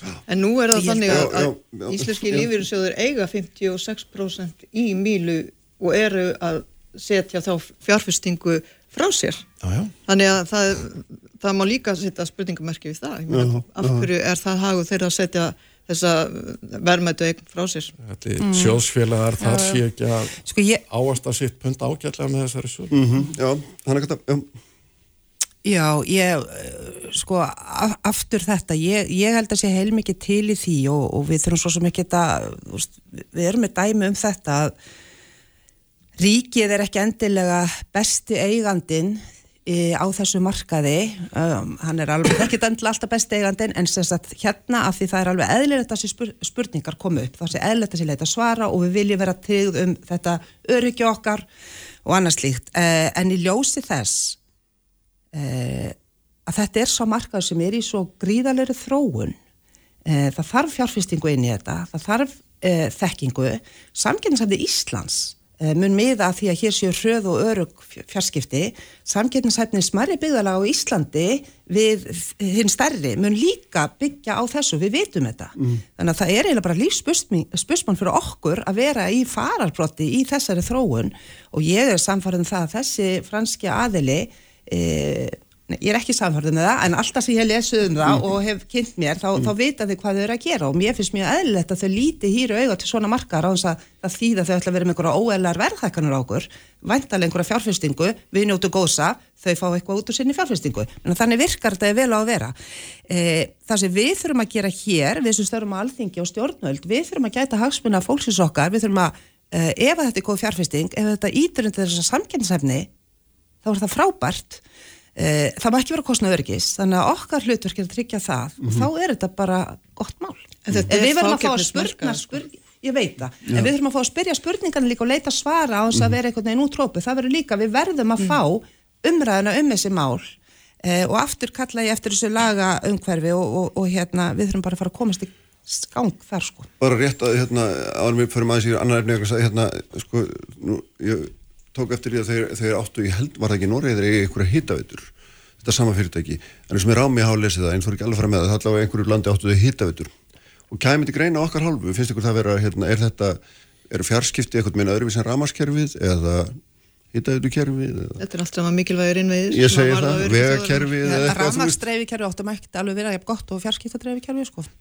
Nei, en ég minna en, Það er það ekki, það er- það er næsta verkefni. hvar eru mörkin við svona mikilvægi örgið, þú veist er allt í sölu ef að það hérna Nei, góður aðeins hinum einu eða já, hvað? Já, þú getur auðvitað sagt að allt sé til sölu en, en málið er að þetta að því hún nefnir hitavitu þá er hitavita akkurat dæmi um það, það sem að meiri segja hörðustu frjálsíkjumenn myndu segja nei það er ekki skinsalegt bara fyrir hvern og einn einstakling og samfélagi heilt að það sé eitthvað enga fyrirtæki sem að eigi og reki hittavituna ekki frekar en hérna frárensli og svo að það eru bara þjóðhagslega eru miklu er miklu skinsanlegra arðbærara fyrir hvern og einn að þetta sé gert í, sem samstarfsverkefni eða sem sagt sameigilegt fyrirtæki okkar í hittaveitu, frárensli gatnagerð og svo framvegis ég menna því getur eitt ímyndað ekkur kási sem myndur nú koma hér ef við, við værum bara með enga göttur sem að En ég lít þannig á að já. þessi stoppleiðara strengur sem Já, við erum að tala um, já, sem að mýla já, á já. og, og, og rekur, að hann sé ymitt einn sambarilegur við aðra mikilvæga innmið og það akkur- þurfi að horfa á, á það sem er að gerast núna út frá því sjó, sjónarhotni og þegar við erum að tala um lagaumgjörð, þá þarf auðvitað heildalögum mikilvæga innviði að skilgreina. Hvernig, hvernig metu við það? Hvort að innviðir eru eh, varði þjóðaröryggi og varni og, og allt þetta. og, og það skortir eins og, eins og hér hefur komið fram en við höfum ekki talað um það að það er uh, fjárfestingarsjóðu sem er nýbúið að kaupa eh, innviðir sínar og Vodafone og nóg hérna hérna óvirku. óvirku innviði svo kallega Já, eða hvenar, já, já, Já, en þeir eru samt mjög mikilvægir og Já. það, hérna, og það hefur verið bent á að það sé eitthvað, eitthvað, eitthvað, hérna, tenging þarna á milli þessara, þessa franska sjós og, og sjóðsins sem að Mhm. hefur fjárfest í, í öðrum innviðum hér og ég minna þetta þarf bara alltaf að skoða. Já, hérna að því að sko fórsenda þess að þið getið talað um þetta á þinginu er að þingi verði sett Nákvæmlega, nákvæmlega. Já, hérna og, og nú verðist nú vera hérna þessi þessari langvinnu skoðun á, á hérna talningun í Norvest kjördami síðan var ljúka og, og verði kynntar einhverjar hugmyndir um það hvernig er leysa úr þessu í þessari viku, las ég allavega veit ekki hversu rétt það er, hvað segir þú Hanna Katrín, þú ert hérna, þú ert hjá okkur innsti koppur í búri núna, hérna ert í þessari undibúnisnemnd, hvernig? Talaði bara frjálst. Já, það er svo sem komið fram að, að hérna, það er þingsetningadagur á þriðudag og þá Já. verður sama dag verða lögð fram, verður lögð fram greinargerð sem að nefndin hefur unnið. Hún er ennþá drög, hún er mjög löng. Og hún tekur náttúrulega til allskils kæra sem hafa komið fram en, en, en uh, hryggjastykkið er þetta ástand í norðvestu kjördami og, og hérna það er ekkit launugamál og hefur komið fram svo sem uh, að það eru tvær hugmyndir sem eru upp á borðinu, tvær hérna og það er svo sem ennþá verið að loka því af hvernig það verður kynnt, hvort að það verða bara sagt, kvíslast einhvern veginn að greina að gera með atvikalýsing og annað og svo getum við farið þessa lega þessa, af því það er þannig að uh, það er hægt að leiða að því lögfræðileg rög sem sagt að, að, að báðum niðurstöðum og önnur er þá hérna að láta síðari talninguna gilda endur talninguna og hitt er að leggja til uppkostningu í norðvöstu kjördami í því eina kjördami svo sagt Já. Já. Uh, af þjóðun efni það að þing get ekki komið sama fyrr þá uh, langar með þess að segja sko að á sama tíma og þetta er á engan nátt ákjössuleg staða þá er það ekki svo að þing get ekki komið sama Nei, það nei. hefur verið ljóstra uppafi uh, og við spurðum hennar sérstaklega bara á fyrsta fundi mm. ég gerði það þegar þú komið þessi stjórn uh, spekingar til okkar eða stjórnstíslufræðingar og sérfræðingar í þessu öllu uh, hvað gerðist til dæmis og þá hafði ég huga eitthvað sem tekist COVID-faraldar um þess að eðlist að þing er að koma saman Uh, og þá var svarið, það getur virkað, það er þá bara án uh, þingmanna Norvestkjördamis og það er án allra jöfnuna uppbúta þingmanna sem stýðir að það er þá 47 þingmenn sem myndur bera upp í þingstarfið í einhverju tildurnu verkefnum. um, aftur, af því að fjárlega frumvarpi hefur komið til umræða, við séum óeppilegt að býða svona lengi með það vegna ástandsins í norðvestur við erum ekki að býða með fjárlega frumvarpið vegna ástandsins í norðvestur heldur vegna þess að stjórnaflokkanir eru ekki tilbúinir með fjárlega frumvarpið mm. Það var að hægur vandi að kalla þingi saman og það getið verið gerst fyrir mánuði kjósa einhver af hinnum 47 þingmannunum í fjárlega nefnd aðra nefndir til þess að fjallum þetta og e, fresta síðan þingfundur. Þetta, þetta er allt möguleikar sem hafa jafnvel í einhverjum tilfellum verið nýttir áður. E, Það er þetta- nýttir áður? Já, ég meina, með að kjósa svona í nefnd, það var 2016, þá var hérna engi ríkistjórn í þrjá mánuð eftir Já, kostningar. það var en búið að við- staðfesta kjörbrif. Sko. Já, já, en, en þannig eru þingmenn sem hafa stað, þú veist, það er þetta staðfesta kjörbrið 47 segi ég sko, og svo kýstu bara í nefndina þá aftur en á veist. fimmtudaginn verður sem sagt greita atkvæði um þessar tvær leiðir er, það er það sem þú ert að segja Ég er að segja að það sé líklegast að það verði niðurstaðan og all, allt er þetta ennþá Það er að segja mér með hvori leiðinu þú ætlar að kjósa Já, ég get alveg gert það. Já. Ég get ekki með nokkru móti með þá vinnu sem er átt sér stað. Það eru upplýsingar sem ég hef fengið uh, og ekki síður það eru upplýsingar sem ég hef ekki fengið staðfest síðar í talninguna. Þannig ég er með kjósum uppkostningu. mm Getið þið svarað fyrir ykkur? Já, nú, Hvora leiðina þið viljið? Já, eða, sko, ég hef náttúrulega ekki, ég, auðvitað býðum að með fullir þá að sér Já, greinagerðina já, sem að já. Hanna Katrín og, og félagar hennar er að vinna að. En ég hef lesið atvika lýsinguna Mhm. og bara út frá henni finnst mér bara augljóst að kostningalögin voru ekki bara brotin einu sinni, heldur nokkrum sinnum og við, við bara getum ekki samþygt það, það er ásýnd líðræðisins, það er bara, það væri bara rosalegt að hérna fara að segja já, en, en samt ætlum við bara að láta þetta, að því við viljum ekki dvesen, sko, þá ætlum við bara að láta þetta standa lögin gera ráð fyrir uppkostningu og ég, mér þykja, það eru alla líkur á því að ég verið þar, já. Óli, skiptist þetta kannski bara í stjórn og stjórnarnastöðu eða hvað? Ég vona nú ekki. Nei. Ég, hérna, það vil nú svo til að ég kannski er eini flokkurinn sem að hefur enga hagsmun að gæta inn að gæsa, ef það er hægt að segja það, Mhm. vera svo kokki, þá er það sjálfstæðisflokkurinn. Sko ég nálgast þetta þannig og aftur verð ég að setja þennan fyrirvara sem að Odni er með. Auðvitað hef ég ekki öll þau gögn og hérna þekking á málunu eins og Hanna Katrín hefur. En að því sögðu, þá nálgast ég þetta svona. Ég hef ekkert séð e, fram að þessu sem bendir til annars þrátt fyrir ákalla sem e, samfæri mig um það að vilji kjósenda hafi ekki komið fram. Ég er á því að það verði að sína mér það og sanna að vilji kjósenda hafi ekki komið fram við talninguna. e, ég er samfærum um að það sé, það þarf að þá að vinna betur í mér. Já.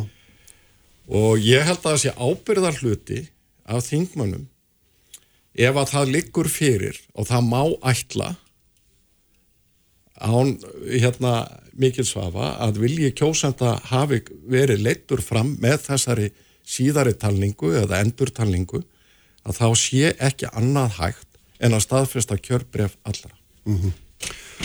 Þetta er, sko það sem liggur kannski til grunn að landskjörstjórn fyrir sjö vikum sendi frá sér í fundagerð að norðvestu kjörglæðis yfirstjórnir hefði ekki geta fullvissaðu um að kjörgögnin hefði verið varveitt þannig Mm. að vilji kjósenda væri skýr. Svo fullinning stendur ennþá eða spurning Þa, það er bara þannig. En hérna auðvitað þarf að hver og eitt þingmaður þarf að fá færa og fara vel yfir þessu gogn og það er bara svo list það gefst færa á næstu dögum. Þannig að þið fáið hérna, það er uh, mjög löngreiningar sem þið fáið hendundur á þriðdægin og takk fyrir afstöðu á fymtdægin. það heitir að fara vel yfir málið. Heyrðu þið, frábært að fá ykkur að takk fyrir að koma Hanna Katrín, Óli Uppspretta frétta á Sprengisandi á Bylgjunni. Mikil umræða, alla sunnudasmórna, sprengisandur á bylgjunni. Sælinslustundur, uh, þau eru farin frá mér, Óli Björn, uh, Otni Haraldóttir og uh, Hanna Katrín Friðriksson og hérna í símanum norðan af Akureyri er Hilmar Þór Hilmarsson, prófessor við Háskólan á Akureyri. Sæla blessaður Hilmar.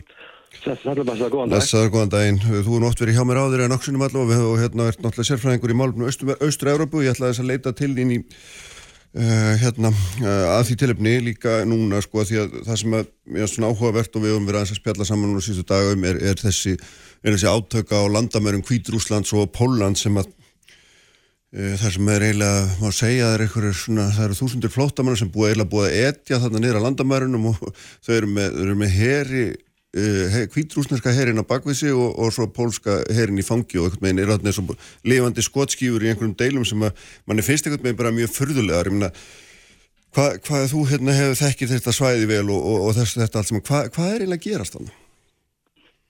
Það sem er að gerast náttúrulega það að, að, að það voru kostningar í ágúst 2020 og sem að Europasambandið viðkennir ekki og síðan eru refsi aðgerir á, á Kvítarúsland sem, eh, sem eru standið við síðan þá.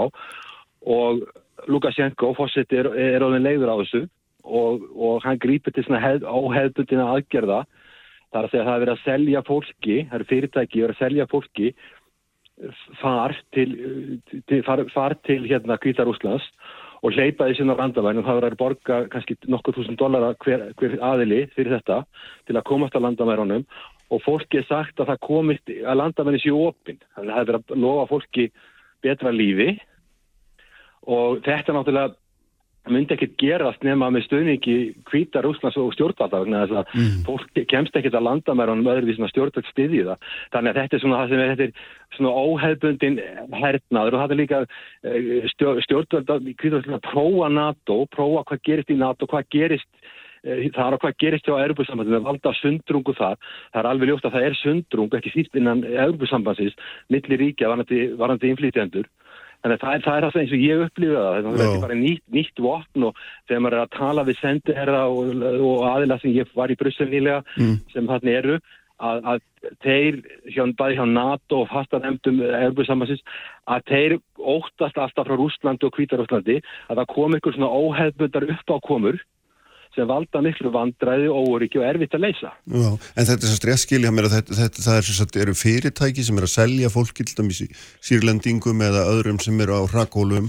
selja þeim far til Kvítarúslands með lofarðum það að þeir geti gengið yfir landamærin til Póllands ó á reittir og, og fyrir það greiða er Kvítarúsum fjármunni og, hérna, og svo er þetta allt saman einn stór hérna, svikamilla. Og Já, þetta er alltaf er á ábyrð þessar Lukasenko, er þetta ekki rétt skilja mér eða hvað? Já, sko, ég, ég held að BBC hafi gert útækt á þessu og það hefði þetta verið aðtóa, það eru fyrirtæki sem er að græða á þessu uh. og svo er þetta fyrir, fólk líka rænt þegar það kemur inn í, kemur inn í landi. Þannig að, að það er búið að lofa þessu fólki og, og flest, að maður hefur bara séð það, maður hefur að fylgjast með þessu, flestir aðeins sem er að koma aðna er að stefna náttúrulega til innan, innan, innan inn í Európa-sambandið og mjög margir nefna Þískaland. Mm. og þetta er náttúrulega, þetta er náttúrulega svik, þetta er þetta sveika milla að koma ílla fram við þetta fólk og þetta er, ekki, og þetta er náttúrulega sorglegt í þess að hann er mikið af börnum og konum og, þetta, og það er farið mjög illa með þetta fólk að vanda, mann hafa spröytað fram hann með táragassi og, og vaspissum og þetta náttúrulega er ekkit í samræmi við sko hérna mannréttinda viðtorf og, og yflýsingar erubusambands að taka svona móti fólki sem er búið að fara illa með og plata og, og, og fjalletta. Já, og þetta er náttúrulega merkilegt líka því að Póland er í þessu leitinu til ytri landamæri Európusambandsins og þetta európska efnarsvæðisins sem við erum hluta líka, maður getur satt það sem svo og þarna er náttúrulega fólki sem á lagalega rétt á því að að hérna mál þess sé skoða eftir því sem mér skilst að hérna, það, það tekið á mótið því að að fullkominu hörku þetta hvað svo sem segja má um, um, um ástæður þess að það er á staðnum. Já, við, sko, við eh, við erum aðeins að NATO, það skiptur okkur miklu máli og ég veit að það var mikið titringur hjá NATO. Ég var hérna úti þegar það var haldið neðafundur mm. út af þessu og það er mjög mikið titringur hjá NATO út af þessu við erum aðeins að NATO og við viljum náttúrulega ekki að að veikja NATO og það er ekki kannski samstæða innan NATO um alla hluti. Svo er líka með Europasambandi, við erum náttúrulega hluta sameilu vinnumarkaði og við erum líka aðeinslega að sjengen þannig að þetta skiptir okkur máli að það er að flæða fólk inn í inn, inn, inn í ytri, ytri landamæri inn á sjengen og þannig að þetta varðar okkur og þetta er náttúrulega mjög slæm stað og, og raunverulega erfitt að bregðast við. Og pólverum er raunverulega vorkun í sjálfu sér að, að, að hvað ser ég að gera. Og það er náttúrulega engin auðveld leið til þetta er bara í sjálfsins stríðsliðlýsing þetta er bara óhefbundu vopn og það er enginn kannski auðveld leið að leysa þetta en svo er það annað í þessu að Vísegraflöndin sem eru Póland, Tjekkland, Slovakia og Ungverðarland hafa verið gaggríndi að erbjörnsamhættinu þeir eru að vilja ekki taka mútið flottamennum og fara illa með flottamenn og það flækli stöðun ennþá meira og pólverjar eru mjög harðir á því að þeir ætti ekki að gefa eftir í þessu máli. Já. En hver, hver, hver er eiginlega, sko þessi Lukashenko eins og segir hann, hann sigraði þarna í þessum kostningum uh, hérna 2020 eða sigraði innan gæslappa skulum við segja og hérna hann hefur náttúrulega aldrei fengið þá viðurkenningu sem að hann þarf að fá til þess að hérna teljast gildur, gildur félagi í alþjóðsamfélaginu heldur er kjör hans óviðurkenn til að mynda hálfu örbursambandsins og hann er ekkert minn er hann að leita sér einhverju stöðu til þess að hérna, og mér skilst að Merkel hafa hann haft samband við en er hann að leita sér einhverju stöðu til þess að verða svona talin viðra að hæfur, er það það sem býra bakið, hvað, hvað Ég myndi, ég myndi skilja það þannig að hann sé að leita því að það hefur ekki, ekki vestrætt leita og ríti hann síðan í ágúst í fyrra og, og þetta er fátætt, þetta er lítið og fátætt land, þetta er tæmlega tíu miljonum mann, fátætt land og það hefur ekkert að gera við pólverja í stríði, ekki nokkuð skaf, hvað þá NATO og það er, það er alveg blasir alveg við að, að, að Putin er á bakvið þetta. Mm. Putin neytar að vera bakvið þetta en það er að því að hann vil verða einhverju málamilin að hann er líka að koma að styrpa ykkur aðstöðu til að vera málamilin að milli Európa sambansins og, og til að miðla málum við Lukashenko. En hins vegar hafa rússar verið með herafingar í, núna í Kvítarúslandi þar á með orðsóttóttur. Þannig að þeir er að sína það að þeir séu á bakvið Lukashenko. Hann náttúrulega er að reyna að fá sér einhverja samningstöðu til að fá og hann gerði mér skilt þessu samtali við Merkel hafi hann gert klöfu tvent. Annars verður eitt það, að vera, hann er því viðkjöndu þessu fósiti og hitt það að öllum viðskiptatingum verið aflétt. Mm. Og svo náttúrulega er Putin, hann er með vandamálinu með Úkræna ennþá sem er frá 2014 á bakinu, óleist og, og það er náttúrulega eitthvað sem er mjög slæmt mál og ég held að, að, að, að það, það sé á bakvið þetta svo náttúrulega teflast inn í þetta, þetta orkumálinn í Európa sem eru mjög erfið og Nord Stream 2 gaslínan, gasleistan frá, frá Úslandi til, til, til, hérna, til Þískalands og þetta er margt sem flettast inn í þetta. Já, einmitt, hva, hva, hvernig, hvaða máli skiptir hún í þessu? Það er, þetta er alltaf einhverjum stærsta hérna, orkuflutninga framkvæm sem bara er upp í heiminum er þessi Nord Stream 2 leisla sem liggur frá Rúslandi einmitt og gegnum Eistrashalti og inn til Þýskalands. Hvaða máli skiptir hún? Af hverju þetta draga hana inn í þetta? Já sko, til dæmis stöksum dæmi að Lukashenko, það er líka gasólið sem þeir gegnum Kvítarúsland og hann er byrjaður að hóta, hann er byrjaður að hæja á gas og oljuflutningum til Evrópu núna vegna þessara deilu. Hann vil að viðskiptatinguna vera aflétt og hann vil fá því, fá því aflétt og hann er að, hann er farin að beita þessum lesnum sem farið getum Kvítarúsland. Síðan er, er, er það að Póland og Íslandsríkin til dæmis eru mjög mikið á móti Nord Stream 2 leyslinni sem að þeir þá, þá ekki gegnum Úkræni sem núna. Þannig að Úkræni menn verða fyrir miklu, miklu tekjutöppi og Íslandsríkin og Póland styðja Úkræni mjög eindreið og það eru líka deilur og svo líka orkumálinn í Evrópu að, að, að Putin beitir þeim sem vopni og Lukashenko er þegar farin að beita orkumálinn mm. sem hann hefur sem vopni og gegn, gegn Evrópu og Þískaland náttúrulega er mjög háð ódýru gasi frá hérna frá Rúslandi og hérna með því að fara í gegnum Eistrasalti þá er farið að fara fram í Ógræni og hún missir tekjur og Póland missir ekkur að tekjur líka og, og, og, og Eistrasaltikinu verða ekki eins mikilvæg varandi flutninga eftir þetta en að sko þýst þjóðverjar og þjóðverjar og rúsar er fannir að vinna saman alveg í anstöðu við Póland, Íslandsattíkni Svítjóð og Úkrænu mm.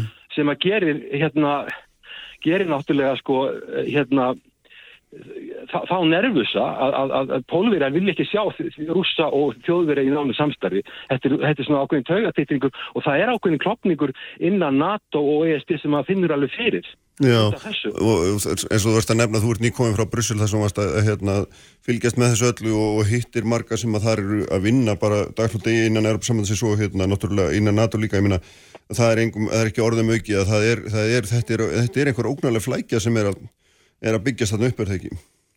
Jú, það er spurning hvernig þetta verður leist sko, þó að, þó að komið kannski einhver hlið að flóttamennin fá Evrópasambandi fólk strax í gang með það bjóða aðstóð, þannig að fólk fengi neyðar aðstóð, reyna að fá fólk til að fara tilbaka til Írak og Sýrlands og hvaðan það kom, það gengur illa, fólk frekar fórna lífið sinu sömur heldur en að fara tilbaka. Og þetta er náttúrulega alveg nýtt vopn og, og þetta er ekki bara landamæri Pólans, þetta er landamæri líka, þetta er landamæri líka Litáin og Lettnas sem liggja á Kvítarháslandi og svo eru eistar hann að grípa til aðgerða því þeir óttast að þetta muni breyða þeir eru ekki með landamæra kvíturúslandi en þeir óttast að þetta muni vera að Rúsland fara að beita þessu vopni líka. Mhm. auðvitað vitum við ekki hvað, hvernig þetta mun teflast í lokin en þetta lítur mjög illa út og ég veit að NATO hefur mjög mikla ágjörða svo líka Europasambandi og af því hringdi Merkel í, í Lukasjenko sem ég skilst að hafi ekkert verið, verið því hafi ekki verið fagna mikið í Pólandi eða hjá Eistasalþykjunum að hún skildi gera það en hún gerði það til þess að reyna að læja öldunar Já. og líka til þess að bjóða aðstóð til þess að fólki hefði allavega húsaskjólum og það er líka annað þessu. Það er engin tilvílin að þetta er að gera þetta þessum tíma. Þetta gerist um vetur. Og, og í vestu aðstæður og það eru í Evrópu er þannig að vegna þess að vegna óvissunum Nord Stream 2 nú er þjóðir að búin að setja stopp á Nord Stream 2 í byli, bera fyrir sér takni að stakni vandabál, þá hækkar gasverð og það eru 80 miljónir íbúa í, sagt í, í Evrópu sem getur ekki alveg að hita húsin sín. Þannig að þetta hefur strax haft áhrif á orkuverð og svo líka að Nord Stream 2 er í vissri óvissu þó mér finnst mjög ólíklegt að þú veist þú sagðir Or- Nord Stream 2 leistan, hún er hún er eitthvað 12, rúmuna 1200 metra löng, hún kostaði 10 miljardur efur, eitthvað 1500 miljardur íþrækja króna, þetta er stór framkvæmt, mér finnst mjög ólíklegt að hún fari í gang. En það er að greinlega komið pyrringur hérna á milli þjóðverja og, og, og, og rússa út, af þessu máli. Þannig að þetta er hérna, hann er mikil degla með öðrum orðum sem að hérna verður áhugavert að fylgja, hérna, fylgjast með hvernig þróast og það er eiginlega bara þingrin tárum taki að, að, hérna, fólk skuli vera næs og þú nefnir að, að, hérna, að tepla fram uh, saklausu fólki, uh, hérna, flóta fólki sem einhvers konar skotskífum í Já, Í en það er þessu. líka annað að vestið á, á, á líka sökið þessu máli sem tengist þessu, það er Úkræna það að, að, að lýsa því yfir 2008 í Búkarest að Úkræna er að fara inn í NATO og fara inn í Europasambandi það voru mistök frá, frá Vesturlöndum og það er eitthvað sem hefur allir því að, að, að, að Putin hefur verið á, verið, verið á svertum lista hjá NATO og Europasambandinu alla göttu síðan og það var alveg ljóst að Rússar myndi aldrei setja sig við þetta og þetta var óþarfi. Það, það var alveg nóg, ef myndi ég halda og ég, ég tala við imsaðal um þetta að fyrir, fyrir Úkræna hafa fullan aðgang að sameilu marka eða Europasambansins og hafa partnership agreement við NATO og hún farf ekkert að fara inn og ég er búin að vera, það er, það er alveg ljóst að það er official stefna Europasambansins. Það er offísíal stefna þeirra, eða ofnbjörnstefna þeirra að Úkræna eiga fyrir NATO og Europasambandið. En þú tala við sendi þeirra sumra ríkja og sé að það fara nefn að telja löndinu upp, þá, þá segja þeir, já, þetta er, er, er ofnbjörna stefna, en í raun vitum við þetta er ekki raunhæft. mm. Og það er það sem er slæmað við þetta, að Putin, hann er óanaður og hann náttúrulega notar sitt leppríki til að ná, gera alls konar hluti, til þess að reyna að komast í samningsstöðu, reyna að vekja ugg og ótta og sundrungu og það er það er að gera. Já, við verðum, að, við verðum að láta þessu hérna loki hilmanin, það er náttúrulega nöttulegt að síðan er hérna er saklausu fólki beittur í vagnin en, en hérna takk fyrir þetta hérna frólega yfirlit um, um þetta mikla hérna ólgusvæði sem að þessi, þessi heimsluti er. Takk fyrir þetta Hilmar Takk að kella fyrir Kristján, takk að fyrir. og sprengisandinu verður vel láta ljúka verður láta lokið, ætlaði nú að reyna að segja. Ívar Davíð Haldursson uh, stýrði þetta útsendingunni eins og alltaf, allt efni á bilgjum.is og vísi.is og hvar veitna það sem þið finnið hlaðvörp og svo verðum við hérna með ykkur aftur eftir viku, verið sæl